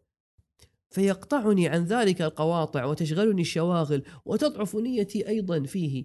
وتضعف نيتي أيضا فيه قلة رغبة هذه الطائفة فيه. وترك عنايتهم به لأنهم ألقوا الأخبار وما رووه من صريح الألفاظ حتى إن مسألة لو غير لفظها وعبر عن معناها بغير اللفظ المعتاد لهم لعجبوا منها وقصر فقصر فهمهم عنها. وكنت عملت على قديم الوقت كتاب النهاية. شيخ الطوسي متوفي 64 يقول أنا قاعد اللي يخليني ما أكتب كذي كتاب إن جماعتنا هم ما يعجبهم. متشددين في التزام نعم يبون بالنص. النص. وذكرت جميع ما رواه أصحابنا في مصنفاتهم. وكنت عملت على قديم الوقت كتاب النهاية وذكرت جميع ما رواه أصحابنا في مصنفاتهم وأصولها. من المسائل وفرقوه في كتبهم ورتبته ترتيب الفقه. كذا فيقول أنا كتبت كتاب على طريقتهم. مم. على طريقة اللي هم اللي يحبونها جماعتنا. بعدين يقول قلت أنا أبي أكمل المشروع فبعدين قررت أني أكتب هذا كتاب المبسوط مبسوط. ويكون فيه كذي وهالأمور. من بعد المبسوط؟ فعفوا بتقول ان من ابن الجنيد بدأ؟ بدأ بس ما قبل. بس شنو الشيء الجديد اللي بدأ؟ اللي هو الفقه المقارن مع استدلال؟ فقه مقارن مع استدلال هذا شيء موجود بكتب ابن الجنيد؟ نعم. وأيضا بس قبل ما كان في است... ما كانت تطرح استدلالات يعني قبل. لا لا ما تطرح استدلال بس. النص. نص. النص نعم. النص. فاهم شلون؟ شوي بس توضيح للنص. نعم واحتمال كان في فقه مقارن. مثل ما ذكرت الفضل. نعم. إيه. ابن الجنيد لا قام يدخل استدلالات فيها قياس فيها شيء فيها مهم. ملاحظ؟ شوف الشيخ المفيد يغلب عليه المقارن فقه المقارن نعم السيد مرتضى أيضا عنده فقه مقارن لكن نروح للشيخ الطوسي هني نقلة نوعية مهم. الشيخ الطوسي قال لا لازم كتبنا تصير في عندنا كتب فيها استدلال تفريع مهم. تفريع في الفقه نعم. شايف شلون؟ فمن بعد ما الشيخ الطوسي مشى بهالمسار هذا الفقهاء من بعده جروا على هذه الطريقة. مع ذلك تدرون كان الكتاب الرسمي في الحوزات إلى النهاية،. نهاية الطوسي هو الأساس اللي يدرس كان وعليهم حو عندهم حواشي عليه وبهالأجيال هذه، نعم. لكن اللي سواه الشيخ في المبسوط طيب طبعا عنده كتاب فقه مقارن الخلاف لكن اللي سواه الشيخ في المبسوط فتح باب مهم. لكتابة كتب. أم أم ذات تفريع لا تتقيد بنصوص الروايات. واستمر هذا التأليف إلى أن جاء العلام المحقق الحلي والعلامة الحلي محقق الحلي في الشرايع يعتبر هالمرحله يقال إن هني صار في جمود على فتاوى الشيخ الطوسي خلينا نقول؟ ما صار وايد في نق- نقاشات. نعم هكذا يقال إلى أن جاء ابن إدريس. ابن إلى ادريس أن جاء يقول ابن إن إدريس واستشكل واعترض وهذا نعم. إيه بس أنا غرضي أبين التصنيف الفقهي. إيه. التصنيف الفقهي جرى على هالطريقة إلى أن جاء المحقق الحلي وصارت الكتابة عادة عند الشيعة على طريقتين. تجريد الفتاوى مو تجريد الروايات. من الأسانيد تجريد الفتاوى. مثل كتاب الشرائع قواعد العلامة استدلال. تحرير الأحكام الشرعية أو كتب استدلالية. مثل المعتبر المحقق الحلي. محقق متوفي 700 676 مهم. علامة 726 علامة الحلي عندك تذكرة الفقهاء طبعا مقارن منتهى المطلب. في تحقيق المذهب يعني صار في خلينا نقول كتابات فقهية غالبا تمر على طريقين. الاستدلالي والمقارنة. وال... لا لا والتجريد. شنو مقارن؟ نادر. تجريد يعني يعني بس الفتاوى. اي اي بس, بس الفتاوى. زين والمقارن نادر. موجود بس نادر. مهم. قل. قلب يعني إيه. حضوره قل. وال في مؤلفات فقهية مميزة بهالجيل هذا. مثل منها مثلا كتاب مختلف الشيعة إلى أحكام الشريعة العلامة الحلي كل خلافات الشيعة يحاول يجمعها ويرجح إيه. بينها مثلا في يعني في أشياء مميزة نعم بس الإطار العام هذا اللي قلت نعم. لكم إياه في عملية التصنيف نعم، الفقهي بس- واستمر إلى يومنا هذا إلى يومنا هذا إنه صار استقرار على أن الفقه الاستدلالي أو الفتاوى نعم, نعم. ممكن الأخباريين يروحون شوية صوب الروايات أكثر مهم. بس إنه الجو العام حتى عند الأخباريين هالطريقتين. نعم. هالطريقتين. يعني الآن عند الأخباريين ما أدري شوية أتردد. يعني بعضهم كتب مثل طريقة ابن بابوي واللي هو تجريد ال- الروايات عن الأسانيد. بعضهم أيضا كتب للأنصاف يعني. بس هم بعضهم كتب مجرد يعني فتاوى مجردة. نعم. موجود هذا نعم. اي فنقول هني بدت في هني صارت النقلة النوعيه نقول من شيخ الطوسي. نعم. اللي بدأ طرح كتب استدلالية اللي هو يدخل استدلال في الكتب الفقهية نعم استدلال يعني أخذ ورد ودلالات بهالصورة. إي إيه. وتفريع مو نعم. يعني قبل ماكو استدلال لا الاستدلال كان موجود بس ما كان يصنف له مستق... مستقلا كذي. مثل ما كان واضح. بالضبط إيه يعني كذي كتاب يجمع الأحكام وكل حكم يجيب دليله نعم شايف وسواء كان بحسب ما يقرر في أصول الفقه مثل كذي ظاهرة. حسب علمنا بداها الشيخ الطوسي شيخ الطوسي نعم. و... واستمرت إلى خلينا نقول إلى المحقق الحلي والعلامة و نعم نعم. استمرت إلى يومنا هذا. إلى يومنا هذا. إلى يومنا هذا. آه، ظهور ال- ظهور الأخباريين سيد. أثر؟ على طريقة التصنيف. في شيء صار؟ لا، في لا، نقله لا، نوعية لا. صارت؟ ما صار؟ لا بس صار اهتمام جاد أكثر بالروايات وإشكالات أكثر شيء التأثير الأخباري على الأصول ثم انعكس على الاستدلال. نعم. الفقهي. اي مو انه طريقة التصنيف أو اي ما صار. نقول أم، الرؤيه الفقهية أو شيء لا. نعم الأخباريين لهم آراء فقهية تميزوا بها كما نعم. إن غيرهم تميز بآراء فقهية. نعم نعم. زين سيد أنت ذكرت بأن ما بعد الشيخ الطوسي إلى يومنا هذا في استقرت المصنفات على هذه الطريقة اللي أنت ذكرتها اللي هي الاستدلال والفتاوى. نعم. فبس نبي تذكر لنا شنو أهم كتب ال- المتقدمين؟ علماءنا المتقدمين في هذه المرحلة. شوف آه، شوف خلينا نتكلم. يعني إحنا إذا نبي اولا عندنا وايد كتب مفقودة في نعم. الأجيال الأولى. واضح؟ نعم. آه مثلا كتاب حريز السجستاني كتاب الصلاة اي كتاب الزكاة كتب يونس بن عبد الرحمن كتب آم، مجموعة حتى من قدماء محمد مسلم زرارة. كتاب آه، محمد بن قيس في القضايا كتاب آه، كتب كثيرة مفقودة لكن موجودة في الكتب. نعم. يعني موجودة في كتب الحديث. نعم. هذه إذا بندخلها في الحسبة تتغير الحسبة. إحنا الحين نبي نتكلم أتصور أفضل نتكلم عن ما بعد ما ذلك. بعد. بس إن الحين أبي أشير إن عندنا كتب كثيرة.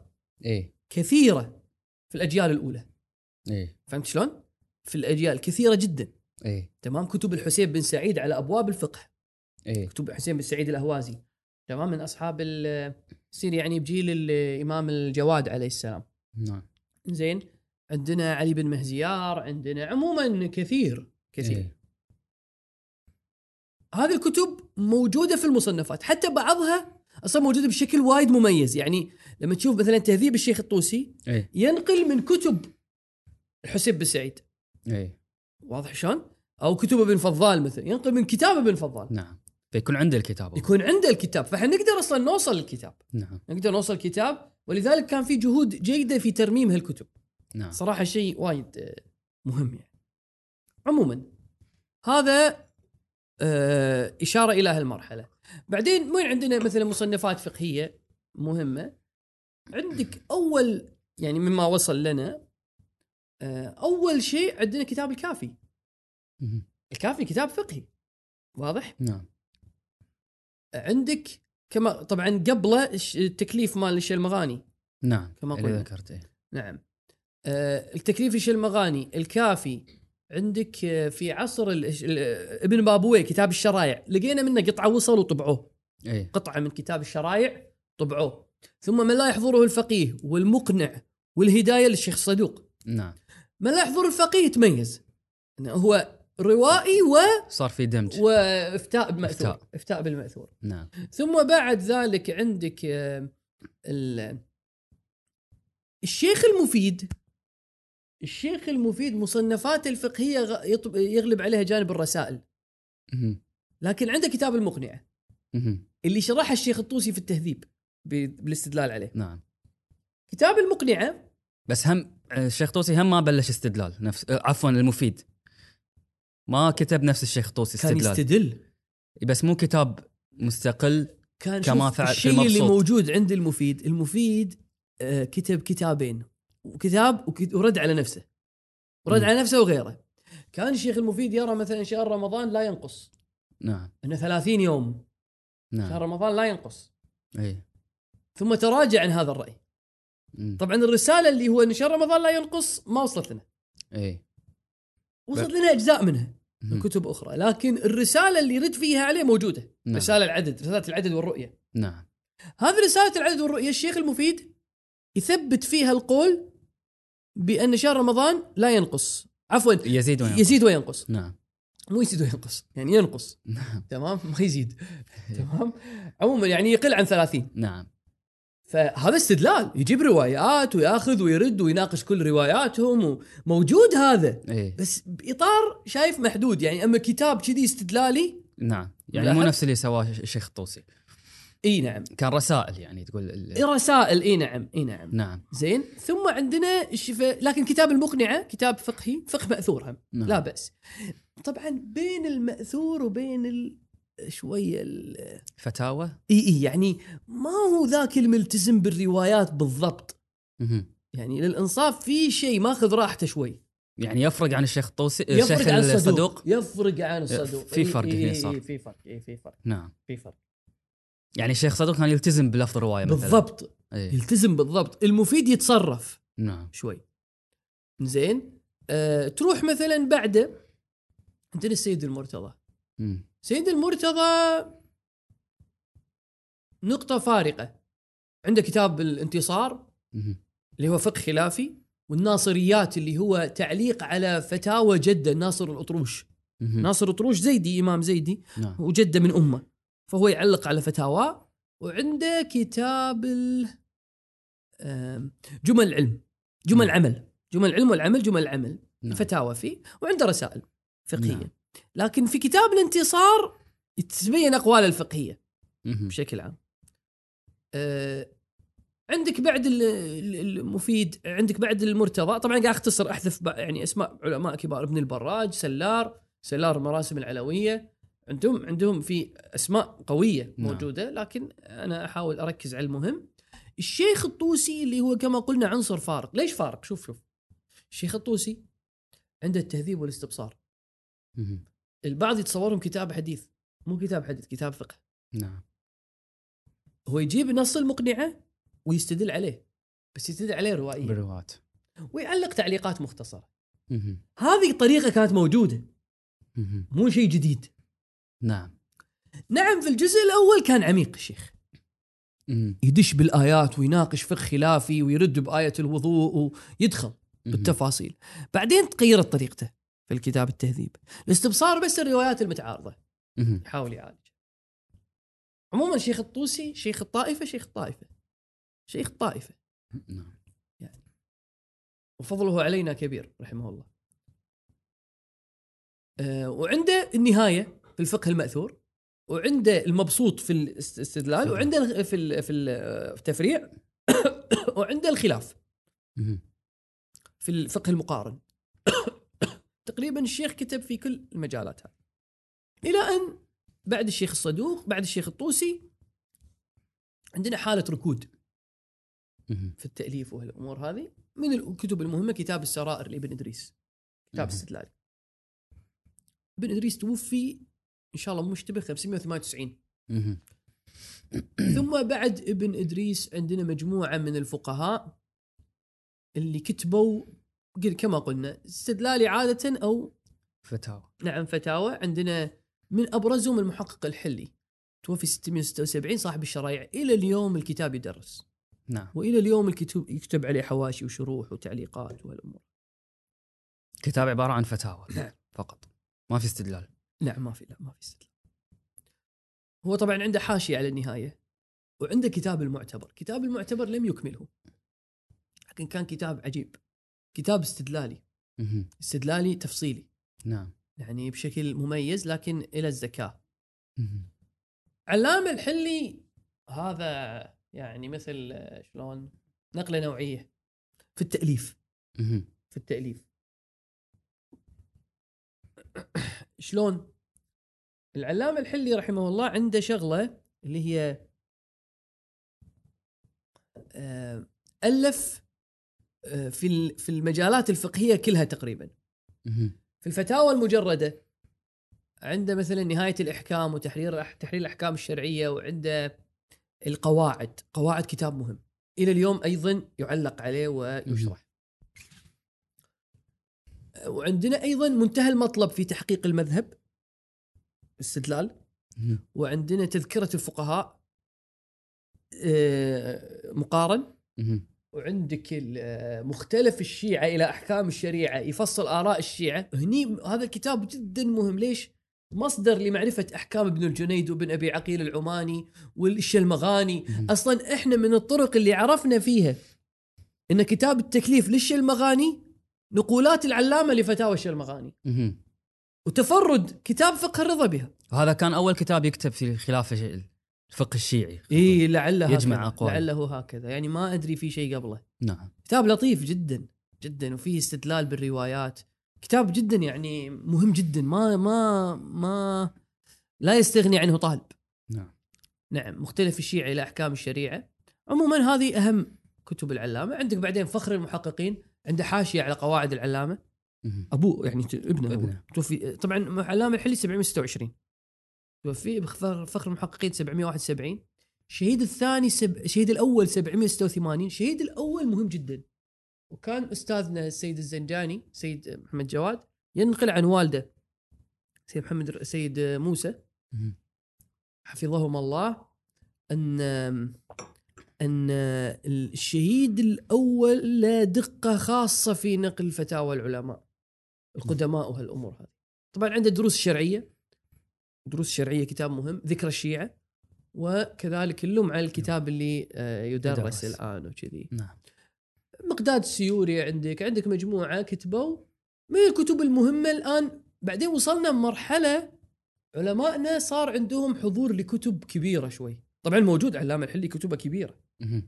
لكن صارت عادة. تقريبا يعني الفقهاء الكبار يكتب له كتاب كل الفقه تقريبا. وتظهر فيه آراءه وتحضر بشكل جيد مثلا. مثلا عندنا الشهيد الثاني المسالك. مسالك الإفهام إلى شرائع الإسلام. طبع في 16 مجلد. وكذلك عندك ال شو اسمه؟ آه، آه، ال- هاي كلها فقه استدلالي. كله فقه استدلالي. نعم. نعم فقه استدلالي. عندنا المقدس الأردبيلي مجمع الفائدة والبرهان. توفي 993 الفاضل الهندي كشف اللثام. هذه كتب مهمة جدا. نعم. كذلك أيام الحقبة الإخبارية موجودين مجموعة إيش- ال- ال- شو اسمه؟ فيض الكاشاني كتب مفاتيح الشرايع كتاب مهم. وكذلك توفي 1091 إيش فيض؟ اللي ال- صاحب الحدائق حدائق الحدائق الناظرة. نعم. شيء يوسف البحراني آه، 1186 هني طبعا بهالفترة في نقلة نوعية صراحة بالفقه من أي ناحية؟ الحين الحر العاملي كتب وسائل الشيعة وسائل الشيعة شبه شبه سكر الباب إن فقيه ينسى رواية باب. يعني مثلا الشهيد الثاني ممكن ما كان عنده كتاب المحاسن للبرقي. فهو يمشي على الكافي والتهذيب وال... ملاحظ. ما عنده كتاب المحاسن بس في رواية فقهية بكتاب المحاسن نعم تلقاها بالوسائل نعم فلما كتب الوسائل الكتاب الحر العاملي 1094 كتب كتابه خلاص الحين كل باب فقهي كل الروايات. عندك مهم. فهذا أدى إلى تعمق البحوث الفقهية بشكل كبير مهم. لاحقا. عرفت شلون؟ يعني صاحب الحدائق معتمد الوسائل فاهم شلون؟ شو يسمونه؟ ال- بهبهاني الوحيد البهبهاني متوفي 1205 معتمد نعم ملاحظين معتمدين النراقي ال- شو اسمه الشيخ الأنصاري تمام؟ ذيلا معتمدين الوسائل بشكل واضح. عندنا كتاب شيعي فقهي كبير وهو فخر للشيعة. وهو كتاب جواهر الكلام في شرح شرائع الإسلام للشيخ محمد حسن نجفي. المفروض وفاته بال 1200 و... يعني النص الثاني 1200 و... بالنص الثاني من ال... أو النص الأول عفوا بهالحدود يعني. عموما في القرن في 1200 وشيء يعني نعم بالي شيء و40 كأنه 1246 يمكن عموما بهالحدود نعم. وفاته رحمه الله هذا الكتاب شرح الشرائع فقه كامل من اوله إلى اخره بنفس المستوى الاستدلالي تقريبا مع جمع أقوال الفقهاء والتدقيق وتحقيق ال- الأدلة ومراعاة المشهور طبعا مع انتصار الأصوليين بشكل عام.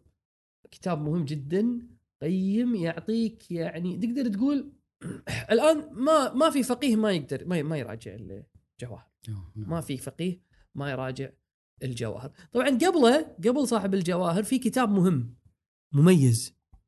كتاب مفتاح الكرامة.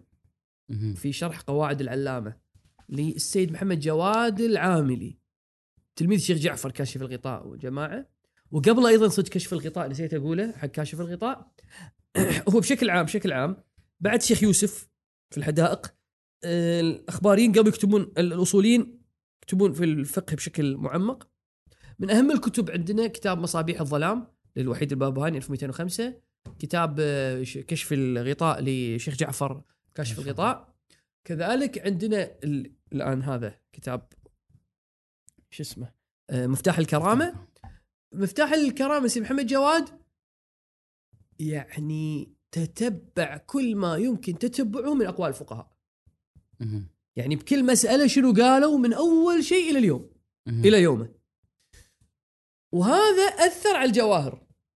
يعني الج- الجواهر في الأبواب اللي كاتب فيها السيد العاملي تشوف تفصيل أقوال الفقهاء دقيق أو. مفصل. نعم. في الأبواب اللي السيد العاملي ما كتب فيها أو مفقود كتابة ما كتب فيها أه تحس ينعكس على الجواهر. جوهر نعم في هذا المسألة. نعم. عموما هذا عرض إجمالي. معاصرين من فقهائنا عندنا السيد الخوئي. السيد الخوئي درس أكثر ما كتب لكن من الكتب المهمة جدا مستمسك العروة للسيد محسن الحكيم.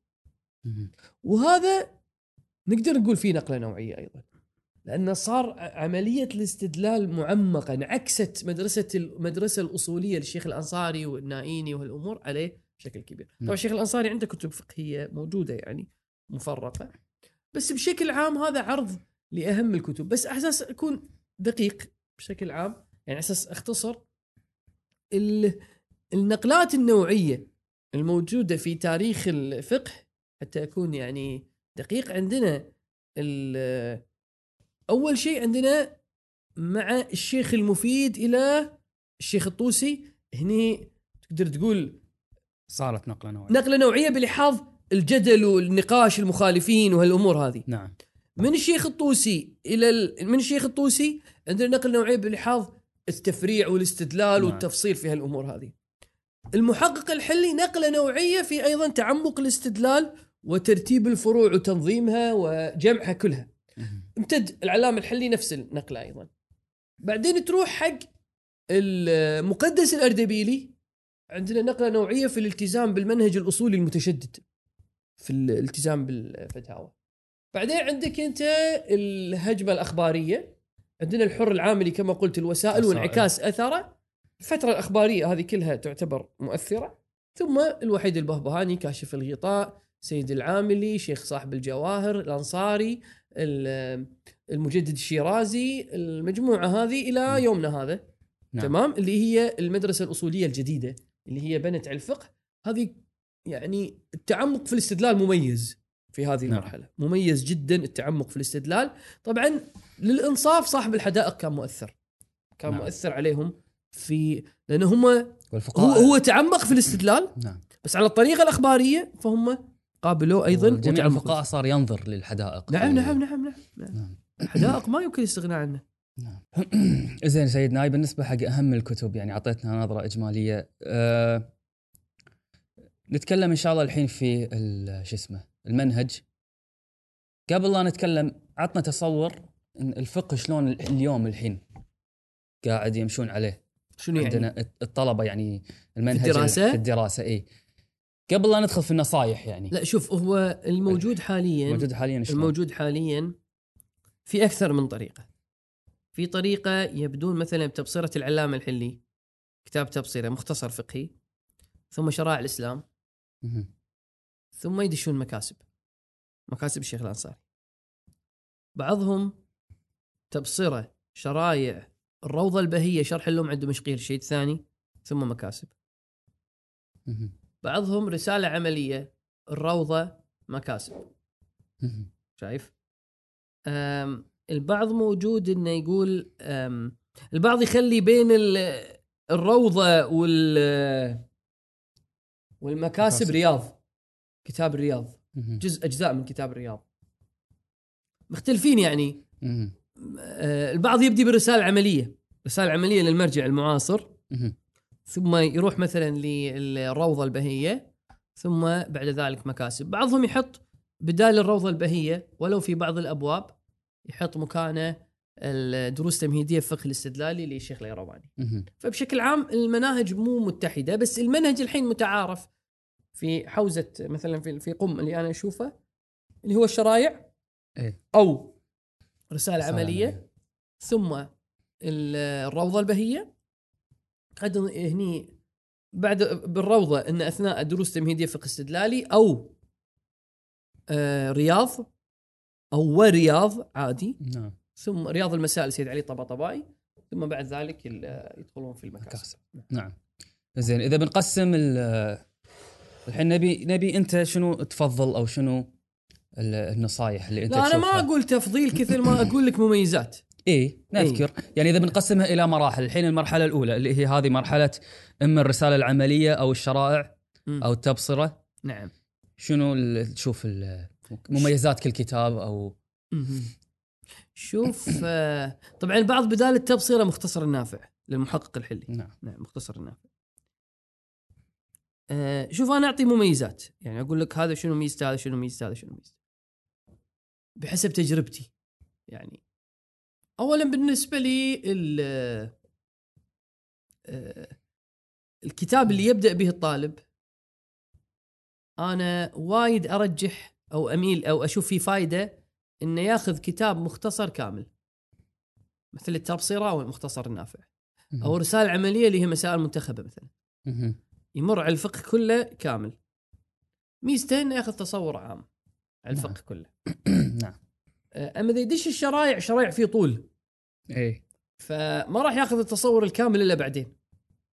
بس ما يضر. نعم. ما يضر. يقدر يبدي بالشرايع عادي. زين. آه، اولا بس شيء- في في شيء في واحد يغني عن الثاني يعني؟ إذا واحد مثلا طبعا يعني التبصرة ومختصر النافع واضح واحد يغني عن الثاني. الرسالة العملية. الرسالة العملية في شيء راح أقوله. اي بعد شوي إن شاء الله. بس أبي أقول الحين أنا على الشرايع. إذا قارنا بين الشرايع وال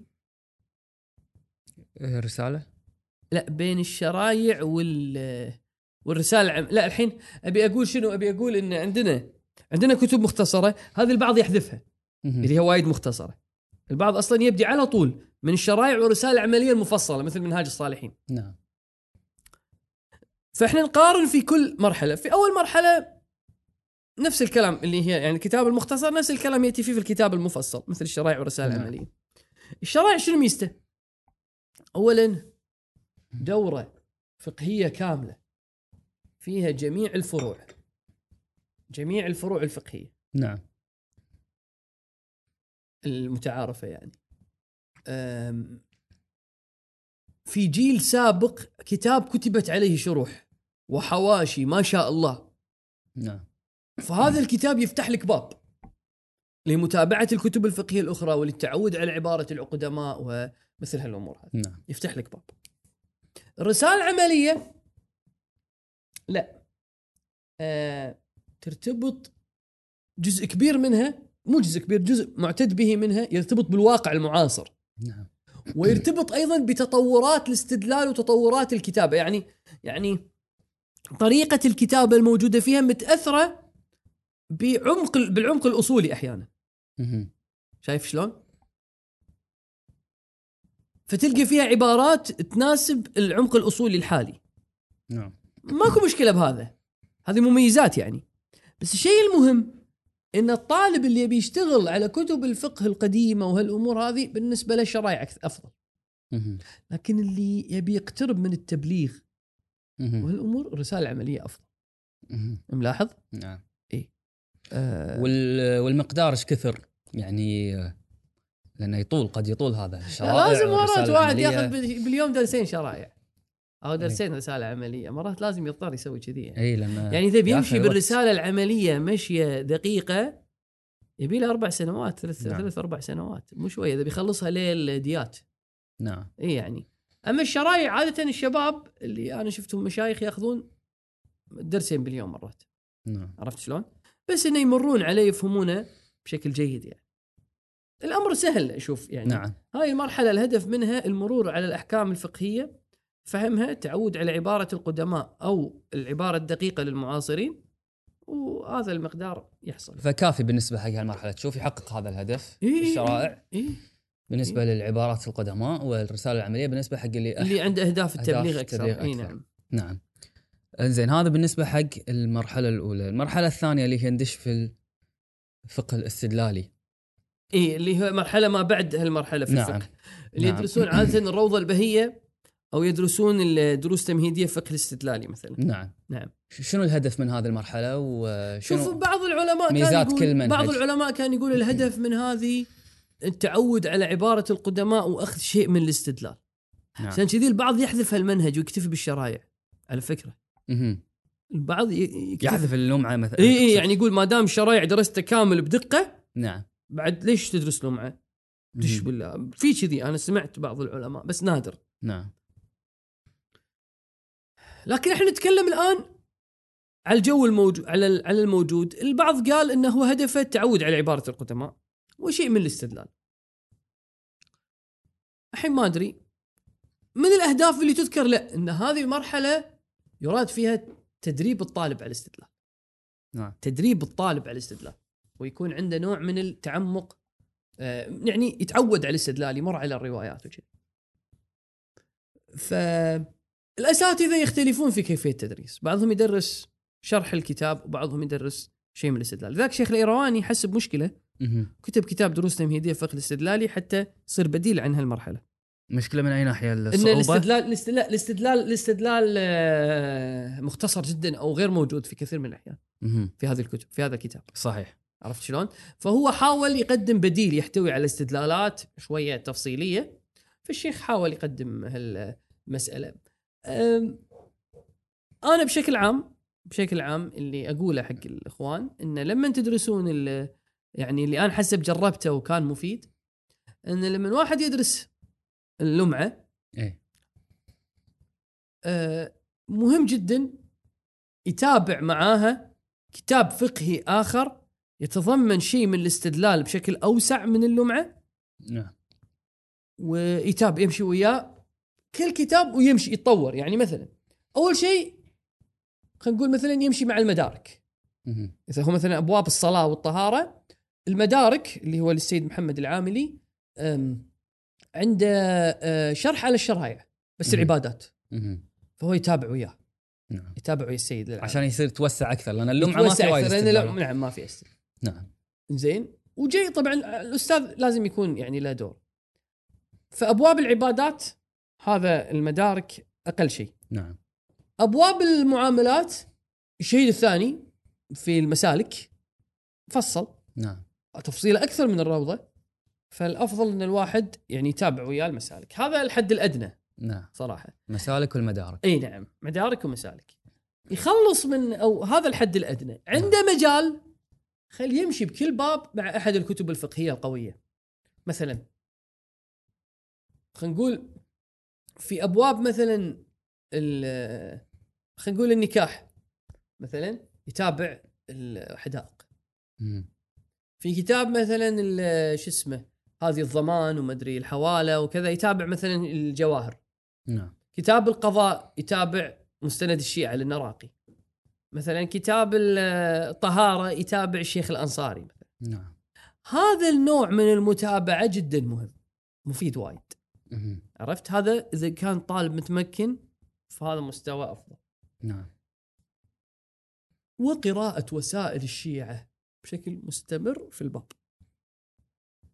وخليه يبحث عن الأسد- الأساتذة اللي يشجعون على الاستدلال بس بشكل إنه ما يؤدي إلى إنه هو ما يمشي بالكتاب. يعني هي هذه الصعوبة. يعني يوفق بين المشي بالكتاب. اي لأنه راح يكون بطيء. إيه. اذا يمشي بالاستدلال. فالأفضل إنه يشوف مثلا الاستدلال السريع. أنا أذكر حضرت عند أحد الأساتذة عجبني درسه. كان كذي يعني مثلا أي مسألة فقهية في الروة يقول الدليل بس بعباره مختصرة أو يقول للرواية. للرواية الواردة في هذه المسألة. يعني هذه المسألة هذه القاعدة قاعدة كذا. هذا مثلا لمقتضى آه إطلاق الآية الفلانية. هذا لكذا. شايف شلون؟ كذي أنا أكون قاعد أتدرب على الاستدلال وآخذ راحتي فيه أكثر يعني. تمام؟ مسألة هاي دروس تمهيدية أو شيء يعني الفقه الاستدلالي بعض ما أدري العلماء مو على كلمة واحدة. إيه. البعض يقول لا ما له داعي. البعض يقول لفق مم. بعض الأبواب شي بعض الأبواب كذي. أه ما أدري. أنا يعني أنا في كتاب وايد عجبني صراحة ودرسته. يعني نعم. در مو درسته كله درست منه درست منه. ومستمر إن شاء الله إن شاء الله ما أوقف. كتاب وايد حبيته. أه جامع المدارك للسيد أحمد الخانساري. توفي أتوقع 1405 تو. متوفي يعني قبل 40 سنة تقريبا. رحمه الله. سيد الخانساري في كتابه الفقهي هذا هو شرح على مختصر النافع للمحقق الحلي. محقق شو اسمه جعفر آه، توفي 676 بس شو يسوي؟ كل مسألة تقريبا يلخص اللي بالجواهر ويطرح تحقيقه. في المسألة مختصر. كتاب فيه صعوبة بس مختصر الكتاب. يعني الفقه كله إلا يمكن باب الجهاد وكنا ديات ما كتبه. أظن في في نقص في نقص. زين قليل النقص جدا قليل آه كل الفقه باستدلال مستوى في عمق باختصار بس في مشكلتين العبارة مرات صعبة مم. تنفك إذا راجعت مصدره عادة يعني المصدر اللي هو معتمده في البحث إيه. يعني أنا اكتشفت مثلا كنت أدرس كتاب الرهن هو معتمد كتاب الرهن مال الشيخ أغرض الهمداني. في مصباح الفقيه ف اذا عرفت مصدره تنحل وايد مشاكل عادة يعتمد الجواهر. وثاني نقطة إن استدلال الملاحظة الثانية إن الطبعه الموجودة تعبانة. تعبانة تعبانة يعني. يعني لازم فوق تقرأ تعدله تحط علامات ترقيم تحط هذا. متعب يعني. إيه. بس بحسب التجربة ال يعني ما أدري انطباع الطلبة و... والكتاب مختصر كانت تجربة مفيدة. نعم. صراحة. و يعني وايد خاطري إن الكتاب يكون له حضور أكبر في الحوزة صراحة. مم. وايد قد يقولون الكتاب عميق. صح. يعني هذا إشكال. مم. بس أتصور اللي يكون دارس الشرايع بدقة راح يقدر ودرس مقدار من أصول الفقه ليش يعني؟ ما أدري. يقدر يفهم. يعني ومع مدرس متمكن ليش ما يقدر إنه يفهمه يعني ويمشي فيه؟ نعم. بس ما تشوف يعني هذا التوسع اللي أنت ذكرته أثناء دراسة اللمعة ما يعتبر قصور في الكتاب اللمعة؟ قليل التعرض للأدلة. يعني يبدو هكذا. إيه. يبدو هذه مشكلة يعني موجودة. بعض العلماء شفتهم اقترح يقول خل يدرسون الطلبه مختلف الشيعة مال العلامه كامل عشر مجلدات يعني. مم. بالنهاية يمشون يعني سهل كتاب مو مو مو صعب يعني عشر مجلدات لا تخاف يعني. لا بس آه، فكرة هذه من الأفكار. عموما هي في مشكلة يعني نعم. يعني في إيه. مشكلة في مشكلة. بس تشوف حلها إن الواحد يوفق بين التوسع وبين المشي على الكتاب يعني. اي اي اي ما في طرق. متعددة لهالكيفية. بالنهاية شنو يقولون؟ ما أدري فن الممكن؟ ما أدري شنو يقولون. في شغلة كذي يعبرون عنها فن الممكن. ما أدري الحين. زين أو السهل الممتنع. ما. أدري هالكلمات هذه. إيه. أبي أقول إن الفكرة هذه ال- الوا... الافكار اللي إحنا نقولها مو دائما قابل للتطبيق على الواقع. نعم. هذه الشغلة الواقعية المهمة. إيه. إحنا نحاول نطرح أفكار. أقول نعم. سوي كذي زين جرب كذي جرب كذي شنو يمشي وياك. أنا يوم كنت أدرس أدرس مو أدرس يوم كنت أدرس كنت أركز على العبارة وأفتح الحواشي وكتب ال- هذا ما كنت أشتغل على الاستدلال وايد. مم. أنا وقت دراستي. نعم. بس جربت بعض الأساتذة دربوني على الاستدلال حسيت فتح لي باب لأنه ما كنت متعود صراحة يعني. بعض الأساتذة حضرت لهم ما كانوا يدربون على الاستدلال لكن يوم حضرت عند بعضهم اللي يدرب على الاستدلال لا فتح لي أبواب صراحة. ف قمت لما أدرس أركز على الاستدلال نعم. صراحة. يعني كل مسألة أحاول أجيب دليلها ولو باختصار. هذه الطريقة اللي درست تشوفها هي فيها الأفضل. درست فيها الروضة يعني يمكن يمكن النص وصلنا النص يعني مستمرين طبعا مم. بس الحين مشيت قاعد أمشي على جامع المدارك يعني. يعني كل جزء اللي موجود بالروضة نعم لأن group group الطلبة تعودوا علي تعودنا على بعض فنمشي بجامع المدارك فعلا يعني. نعم حاليا يدرسون اللمعة ما, يرو... ما الروضة ما يدرسونها الروضة بلا هو هو الروضة؟ لا اللمعه ما يدرسونها المتن ما يدر المتن مع ال- مع. هو مع هو هو. المتن مع ال- المتن كل- كلش مختصر كلش كلش إيه. مختصر الروضة شرح مزجي عليه يعني شرح إيه. وياه فعادة مع الروضة يعني فيدرسونه اي وياه نعم وبالنسبة لل اللي كتاب اللي حاليا قام يدرس درس تمهيدية في الفقه الاستدلالي أم، هل هو في عرض كتاب اللمعة ولا يدرس بعده ولا شنو مشكلته؟ شوف شنو شنو شنو الإشكالية اللي تخليه مو بديل عن الروضة؟ إيه. إشكاليتين. الإشكالية الأولى إن ما يرتبط بالروضة اولا تفريع ناقص. يعني ما يذكر الفروع الفقهية كلها. مهم.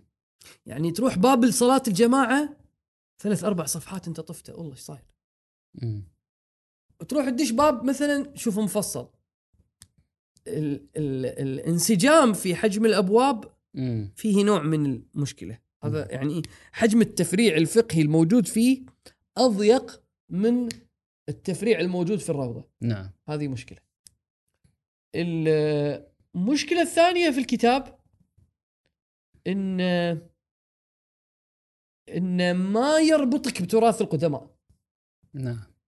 عرفت شلون؟ نعم. ما يربطك بالشرايع بكتب العلامة مم. شايف يربطك بالسيد الخوئي. إيه. بينما المطلوب الطالب إنه يتعود على الفقه المشهوري.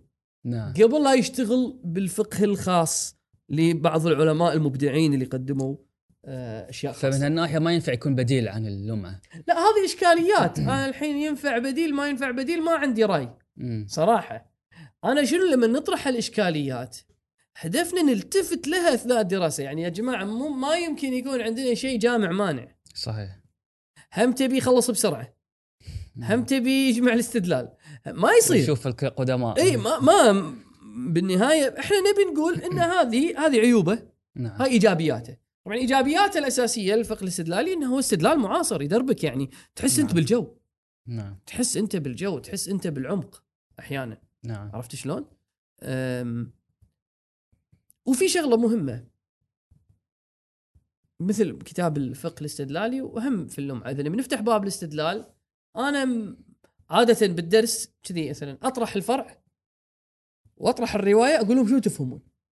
حاول نتحرك إحنا بالتفكير. في الرواية تدرب الطالب إنه يحاول يرجح ويحاول نعم، نعم. فمثلا مطلب الشيخ الأيرواني مثلا أشرحه زين شنو انطباعكم عنه؟ شنو نعم. رأيكم فيه مثلا؟ شنو تشوفون؟ بالنظر إلى الروايات. بالنظر إلى الروايات الموجوده مثلا الاستدلال تشوفونه تام مو تام؟ شنو نعم. تشوفون أنتم يصير نقاش. أنت رد عليه أنت أخذ. هذا الجو الحركي مطلوب معي مطلوب جدا. نعم. مطلوب جدا. عموما أنا أحدد الأمور المطلوبة من الطالب إيه. في هالمرحلة. يكون عنده اعتياد على كتب القدماء. يكون عنده مرور على الفروع الفقهيه عنده استدلال. يتناسب مع مرحلته الأصولية. اللي هو فيها. يعني هو قاعد يدرس اصول بنفس الوقت. عنده أيضا آه شو اسمه آه عنده قلنا استدلال ولما قلنا عنده استدلال مو يعني مطلع على استدلالات يعني مفكر باستدلالات. إيه هو يحاول. إي لأن الاجتهاد مو مثلا أنا الحين مثلا درست بالحوزة ث- 18 سنة قعدت من النوم شفت نفسي مجتهد مو كذي. وإنما هي عملية تحصل تكون ملكة عندك نعم. شوي شوي شوي شوي شوي شوي. نعم. يعني الواحد لا يعتد بنفسه بس أقول ضمن هذا الإطار من النقاشات جدا يعني يحرك هذا. نعم نعم. هذه بالنسبة حق طبعا عفوا. غير الاستدلال مرور على النصوص. إي أنا هذا بغيت أقول المرور على الوسائل مهم وايد تشوفه. حتى على الباب- لو حتى لو ما صار يعني. استنباط مرور. يعني الحين قاعد عطلة عطلة صيفية. أنا شنو درست؟ هالسنة درست باب الصلاة. نعم. خب خل أقرأ روايات الصلاة. نعم. يمر مرور كامل على اي خلي يمر. خلي يمر اي إيه. نعم. أنا ذاك اليوم تأثرت بهالشيء. سيد سعيد الحكيم رحمه الله آه، يقول قبل لا يدرس الخارج. إيه. ما فتح الدرس إلا بعد أن قرأ الوسائل كاملا ثم فتح. مع أنه بيفتح باب معين. بس قرأ الوسائل كاملا. جيد؟ وهاي موجودة. علمائنا يختم الوسائل كم مرة يعني. قصدي هذا م- 30 مجلد يختمهم يعني كم مرة. مو مو مو نعم. شيء يعني خلينا نقول ما يقع يعني. لا لازم يسوي كذي مرات. نعم. فهذا باختصار بالنسبة حق المرحلة هذه.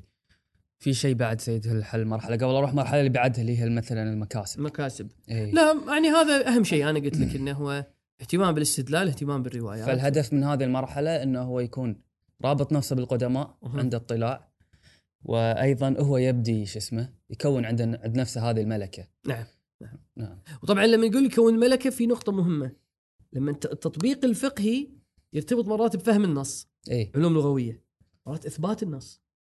إي. واضح؟ ومرات ما يرتبط بالقواعد الأصولية نعم. اللي يتم تطبيقها. يبدي هني بهالمرحلة يبي يطبق الأصول.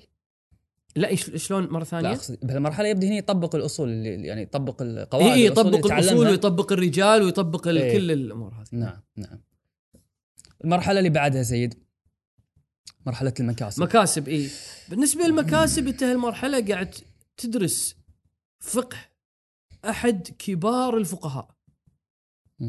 ملاحظ بحث التفصيلي في مسائل فيها عموم شنو هي اولا مكاسب محرمة مجموعة من المحرمات. وطبعا عنوان مكاسب لأنه يتكسب بها. أول شيء يدخل بيع كذا بيع النجاسات بيع الأمور مثلا المحرمه وكذا. بعدين يدخل تفاصيل يقول الغناء الغيبة الكذب. يدخل فيه محرمات مجموعة من المحرمات. نعم. هو يربطها بعنوان المكاسب. مو مهم هذا. هني يستدل عادة استدلالات روائية وكذي. بعدين يدش في البيع والخيارات. البيع والخيارات. البيع يحتوي يحتوي قواعد أو أو خلينا نقول مسائل فقهية سيالة في أبواب المعاملات. مثلا الإيجاب والقبول هل يشترط انه يكون لفظي ولا يشترط يكون لفظي؟ هل المعاطاة تجري ولا ما تجري مثلا؟ مثل. الأمور هذه. هذه مسألة فقهية تذكر في باب البيع لكنها سيالة. في كل الفقه. نعم. في كل فقه المعاملات عموما غالب فقه المعاملات. نعم. فكتاب المكاسب المحرمة مكاسب وبيوع وبيع وخيارات. المكاسب في استدلال روائي على القواعد والأمور هاي. آه، في القرآن والروايات كثيرا ما يكون ال- البيع والخيارات ترتبط بأمور المعاملات. صحيح هو مرتبط بالبيع والخيارات. خيارات يعني خيار ابطال البيع. هو بيع خيارات شروط. خيار مثلا المجلس إن البيع تقدر تفسخه. إيه. ما دمت في المجلس. نعم. فهذه خيارات يسمونها. إيه. طيب؟ فهو بيع خيارات الشروط. هذه صدق هي مرتبطة بالبيع لكن لكن المسائل الموجوده فيها قواعد فيها مسائل فقهية تسير في أبواب المعاملات. فالهدف من الدراسة والكتاب الموجود كتاب لفقيه كبير. اثنين إن هذا الفقيه الكبير الكتابة عليه حواشي كثيرة. محققة فيها تدقيق. جيد. وعندنا أيضا فوق هذا كله الفقيه والحواشي خلينا نقول المسائل الموجوده فيه سيالة. سيالة فهذا هو الطالب يدرسه على الوضع الطبيعي بس يتابع الحواشي بعد. يعني يتابع الحواشي الموجوده على الكتاب وهالأمور مهم. زين ويكون مستوى الاستدلال عنده أعلى بعد يعني لازم يرفع عن المستوى الموجود في إي هذا بغيت أقول شنو الهدف من هالمرحلة وليش في تركيز على المعاملات هني بهالمرحلة هذه؟ الم- آه، شوف بحث المعاملات طبيعته مو روايات وايات في كثير من الأحيان.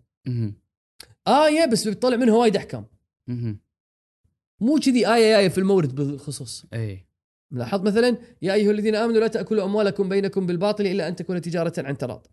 طيب هذا هذه آية تبي تطلع منها أنت وايد أحكام مرتبطة بالمعاملات. هاي صعوبة شوي. إي. شايف؟ آه، بعض الاستدلالات مرتبطة بالسيرة. بعضها مرتبطه بالارتكازات العقلائية. تحليل عم... تفتح لك أبواب في فهم كل المعاملات. يعني مثال البيع مثال عميق اي فالهدف إنه باب عميق على يد الشيخ الأنصاري اللي هو أحد أكابر الفقهاء الإمامية نعم نعم. عرفت شلون. والكتاب عليه حواشي معمقة. فاهم شلون كثيرة فدراسته راح تفتح لك باب لفهم كثير من الكتب المهمة والدراسات المهمة وهل في خصوصي حق كتب الشيخ الأعظم؟ ما أدري الحين فيها النقطة ملحوظة في البحث أو لا ما أدري. فاهم شلون إن هي ملحوظة يعني أقول ملحوظ عندهم إن يكون الشيخ الأنصاري ما أدري بس الشيخ الأنصاري عن- سبب نقله. في عمق الاستدلال. نعم. نعم زين و... لأن من جهة التطبيق الأصولي العميق تمام؟ ومراعاة المشهور وتتبع الأقوال والأخذ والرد ويروح ويرجع يعني في الاستدلال. هذا. كله يجعل كتابة مهمة. زين في شيء آه، تنصح فيه الطالب يركز عليه بهالمرحلة هذه؟ يعني حسب تجربتك. شوف الشيخ الأنصاري آه كتابة مثل مرات كذي التعبير. إن شاء الله ما يكون في تقليل من الشيخ الله يرحمه. مرات تضيع ما تدري هو شنو يبي يوصل. زين. يروح ويرجع يروح ويرجع في المسألة. موجود هالشيء هذا. تحسه مرات هو ما يبي يجزم. أو مو جازم بنتيجة. أنا أنصح عادة إن الواحد بالإضافة إلى الشروح والأمور الحواشي التوضيحية مثل حاشية فتاح الشهيدي و هدى الطالب كتاب هدى الطالب السيد المروج بالإضافة إلى هذين الكتابين على الأقل. آه، يكون عنده متابعة لكتب الفقه الاستدل... كتب الفقه اللي يرت- يرتبط يعني اللي نقول اللي استدلالاتهم شوي مباشرة. من أهم هالكتب كتاب السيد الخوئي مصباح الفقاهة وكذلك الشيخ التبريزي إرشاد الطالب. تمام نعم. أشوفه جيد يعني شيخ التبريزي مختصر ويك بالمسألة بالضبط يعني اي شايف؟ هالنوع مرات أنت يعني أنت في إطار خلينا نقول الأخذ والرد الموجود بالبحث بالبحث تحتاج شيء مباشر. تحتاج واحد مباشر ركز لك على النقطة المهمة سواء يقبل قوله أو ما يهمني الحين. نعم. بس واحد مباشره ركز على النقطة المهمة. أنا أشوف كتاب إرشاد الطالب كتاب مفيد يعني. أم كذلك بحث السيد الخميني أم أم مكاسب محرمة. البيع مال السيد أنا ما اشتغلت عليه وايد عشان أقول شيء. بس المكاسب المحرمة مفيد ليش هو السيد يعني تقدر تقول انه يعني السيد الخوئي يجيك روايات معتبرة ياخذها يستدل فيها. السيد الخميني يعطيك شنو الجو ال- يعني يطالع كل الروايات حتى الروايات الضعيفة. يعتد فيها في الحسبة النهائية يراعي المرتكزات العقلائية يعني حتى في المكاسب المحرمة. راح تشوف منهجين. إذا عندك وقت لا بأس أنا أنا يوم درست المكاسب اثناء دراستي مو التدريس آه، يعني راجعت كل الكتابين. المصباح ال- مصباح ال- السيد الخوئي مصباح الفقاهة والكتاب مكاسب. محرمة للسيد الخميني. راجعت يعني شفت منهجين هذا مفيد إنك مهم. تشوف أساليب الفقهاء نعم. ومحاولاتهم وكيفية الأمور بالمقدار الممكن. بالنهاية الأصل الكتاب. نعم. الأصل الكتاب. لكن هذا للتوسع المتمكن اللي شو اسمه بس إرشاد الطالب لطيف خصوصا إنه هو ناظر للسيد الخميني بعد. أها. اللي هو الشيخ التبريزي ناظر للسيد الخميني فمرات يناقشه بشكل غير مباشر. جيد. وبعد هالمرحلة سيدي تشوف الطالب آه، شنو بعد يحتاج؟ يعني هل يكون مؤهل لي اي بعد بس بعد خلاص. اي بعد. بس نعم. يكون دارس أصول زين. نعم. بعد يكون خلاص مهيئ يعني. ما في نعم. اي مشكلة إن شاء الله. نعم. فهذه ثلاث مراحل اللي شو اسمه بس نكون إي، هاي المراحل- المراحل هاي اللي- مراحل تفي. نعم. هذه الدراسة اللي جارية اليوم عليها نعم. نعم نعم. ما أدري إحنا نكون كذي سيد خلصنا بالنسبة أي نصيحة مثلا ختامية بالنسبة لهذا الموضوع؟ آه، شوف آه، شوف الفقه عالم وايد كبير وايد وايد كبير كبير كبير كبير يعني ما تخلص. زين في شيئين مهمين وايد مهمين. الأول انه لازم تكون في عناية لطالب العلم بالحديث الأحاديث. كثر ما يقدر. يتابع يهتم. والآيات يعني آيات الأحكام. بس قلت الأحاديث لأن أحاديث كثيرة. الواحد مرات يثقل عن أن يراجع. لا لازم يتابع وايد يكون عنده اهتمام. أنا مرة شفت السيد الحكيم استدل بباب الوضوء برواية موجودة بكتاب الديات. ما في استدلال هالشيء. ما شفت أحد قبله عنده هالشيء. شايف؟ مثلا مرة السيد الحكيم هم آه يمكن كانت مسألة قول الشعر في الليل شيء من هالقبيل الحين إنه هو في رواية تنهى. فالآن نبي نثبت إنه مكروه اي فشنو جاب شاهد؟ جاب شاهد إن الإمام عليه السلام امام الحسين رواية صحيحة قال حق هذا ال- الطرماح لا يا ناقتي هذا الشعر ال- الرجز الموجود يا ناقتي ما أدري معروف ال- الشعر يذكرونه إنزين إنه هو حركنا حداء حداء حداء الناقة. حداء مم. اي في الحداء. إي. بحث الحداء. إن الحداء يجوز وليس كالغناء. مهم. هذا هذا البحث. هذه مم. المسألة. إن تجويز الحداء وحرمة الغناء فإن الحداء خارج عن الغناء. زين فيا بروايه موجودة بكامل الزيارات ببالي رواية صحيحة ان أن الطرماح أو قال هذا الشعر أمام الإمام الحسين الامام الحسين ما أنكر عليه. هو كان حداء. تحريك للناقة. شايف؟ فأبي أقول هذا شغل. يدل ان واحد عنده اطلاع. محيط محيط. نعم. شايف؟ محيط. نعم. زين يعني آه، هذا النوع من ال- الالتفاتات و هذا يبي له اعتياد على الروايات. من البدايات. ما في أنا الحين دخلت بحث خارجي الحين بفتح وسائل الشيعة. إي. لا ما يصير. هذا رقم واحد. رقم اثنين لازم في اهتمام بالفقه الموجود عند المخالفين. مم. الفقه المقارن شوي شوي يقل عندنا. لكن لازم يرجع. وهذا من نهتم بإرجاع السيد بروجردي رحمة الله عليه. لأن سيد بروجردي كان يرى إن روايات أهل البيت عليهم السلام في كثير من الأحيان ناظرة إلى ما هو موجود عند أهل السنة. صحيح. يعني شنو المتداول في فقه أهل السنة؟ القديم. القديم آه رواياتنا تكون ناظرة له. نعم. تبي تحط له تقول هذا مو صح هذا صح هذا كذا هذا كذا. آه فهذا يساعد في فهم الروايات اللي عندنا بشكل كبير. نعم. أذكر مثال.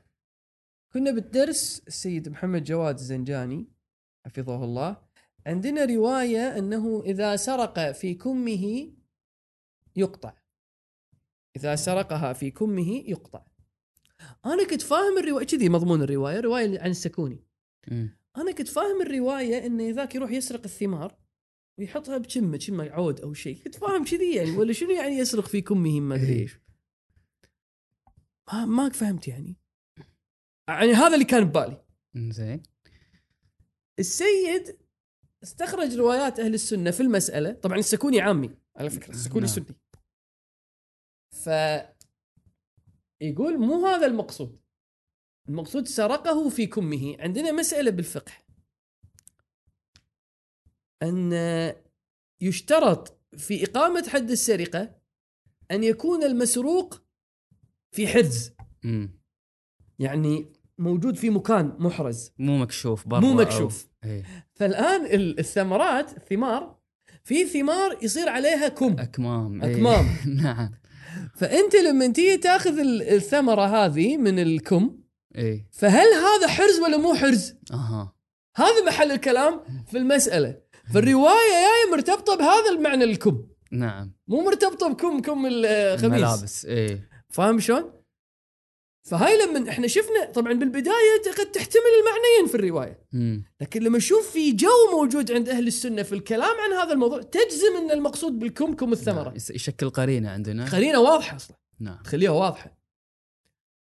طبعا السيد الأستاذ بالدرس يستعرض روايات السنة باهتمام. نعم. من الأمور أيضا في تراث أهل السنة؟ أن عندنا في روايات لأهل البيت عليهم السلام موجودة بكتب أهل السنة.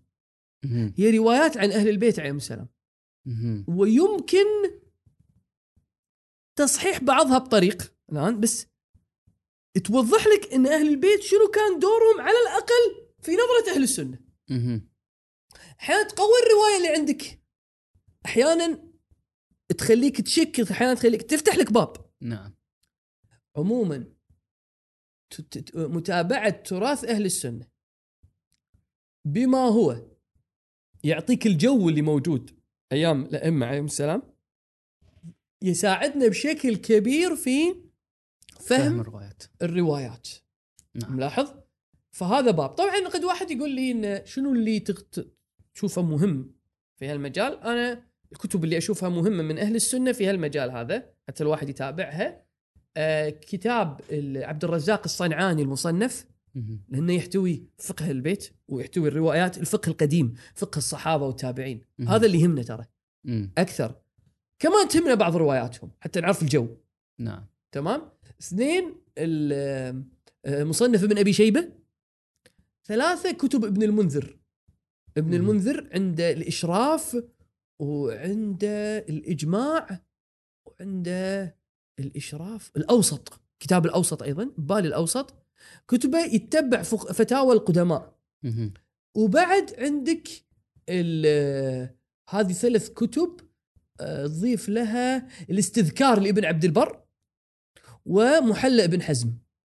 هاي الكتب تساعد وايد في فهم فتاوى القدماء نعم. اللي يعاصرون الأئمة عليهم السلام. حتى نقدر نفهم الإمام ناظر لي شنو بهالرواية الإمام ناظر لي شنو بهالرواية وهكذا. إن هذه الروايات كانت في جو. نعم. مو جاية كذي مرة واحدة في جو. هذا وايد تساعدنا تعتبر من القرائن الدخيلة. هذا آه كتب. طبعا وإنه يكون في كتاب في كل مذهب سني كتاب قوي في كل مذهب سني لا بأس بذلك. مثلا مجموع النووي مثلا آه، آه، مغني بن قدامة فقه الحنبلي مثلا. جيد. فلا بأس يكون في كتاب فقهي مهم في كل كتاب في كل مذهب سني. بشكل عام هذين الأمرين أو هذان الأمران أحب أن أنبه عليهما يعني يساعدان بشكل كبير في فهم الفقه. بس أأكد مرة أخرى النصوص من قرآن وحديث لازم في. عناية عناية مستمرة مستمرة. حتى إحنا يا أخوان إحنا إحنا معطلين. مثلا صيف معطل أو شيء وياك كتاب حديث تقرأ. وياك كتاب حديث لازم هذا لازم تتعامل وياه. صار عندك سؤال تكتبه. صار عندك يعني تتعامل وياه بجدية. نعم. لأن هذا هو اللي يبني شخص بالنهاية إحنا كل اللي نبيه نفهم هذا اللي الله جاء به من نعم. قرآن وحديث. هذا اللي نحن نبيه. هذا نعم. هو ديننا هذا هو آه، مذهبنا. فلازم من البداية في عناية واهتمام و يعني سؤال إذا في شيء غامض جلسات العلماء المرتبطة بهالمجال هذا شيء مهم. شيء أخير آخر شيء تقصد مجالسة أهل العلم اللي يتداولون المسائل الفقهية. ذاك اليوم كنت في النجف نقل لي السيد محسن الهاشمي حفظه الله عن إنه هو كان يحضر مجلس السي مج مجلس مجلس قراية. كان يحضر المجلس السيد بجنوردي السيد الشيخ تبريزي مجموعة. يقول بس يخلص المجلس الشيخ السيد بجنوردي يطرح يقول فرع يا أخوان مسألة شو تقولون في معنى مثلا هالرواية. أو واحد شك فيه كذا شنو الحكم هذا النوع من المجالس مهم جدا جدا جدا وأنا شخصيا عن نفسي استفدت من مجالس حضرتها من علماء ما ما هم أساتذتي. من مجلسهم مجلس واحد أستفيد منه فائده تنعكس في كل دراستي.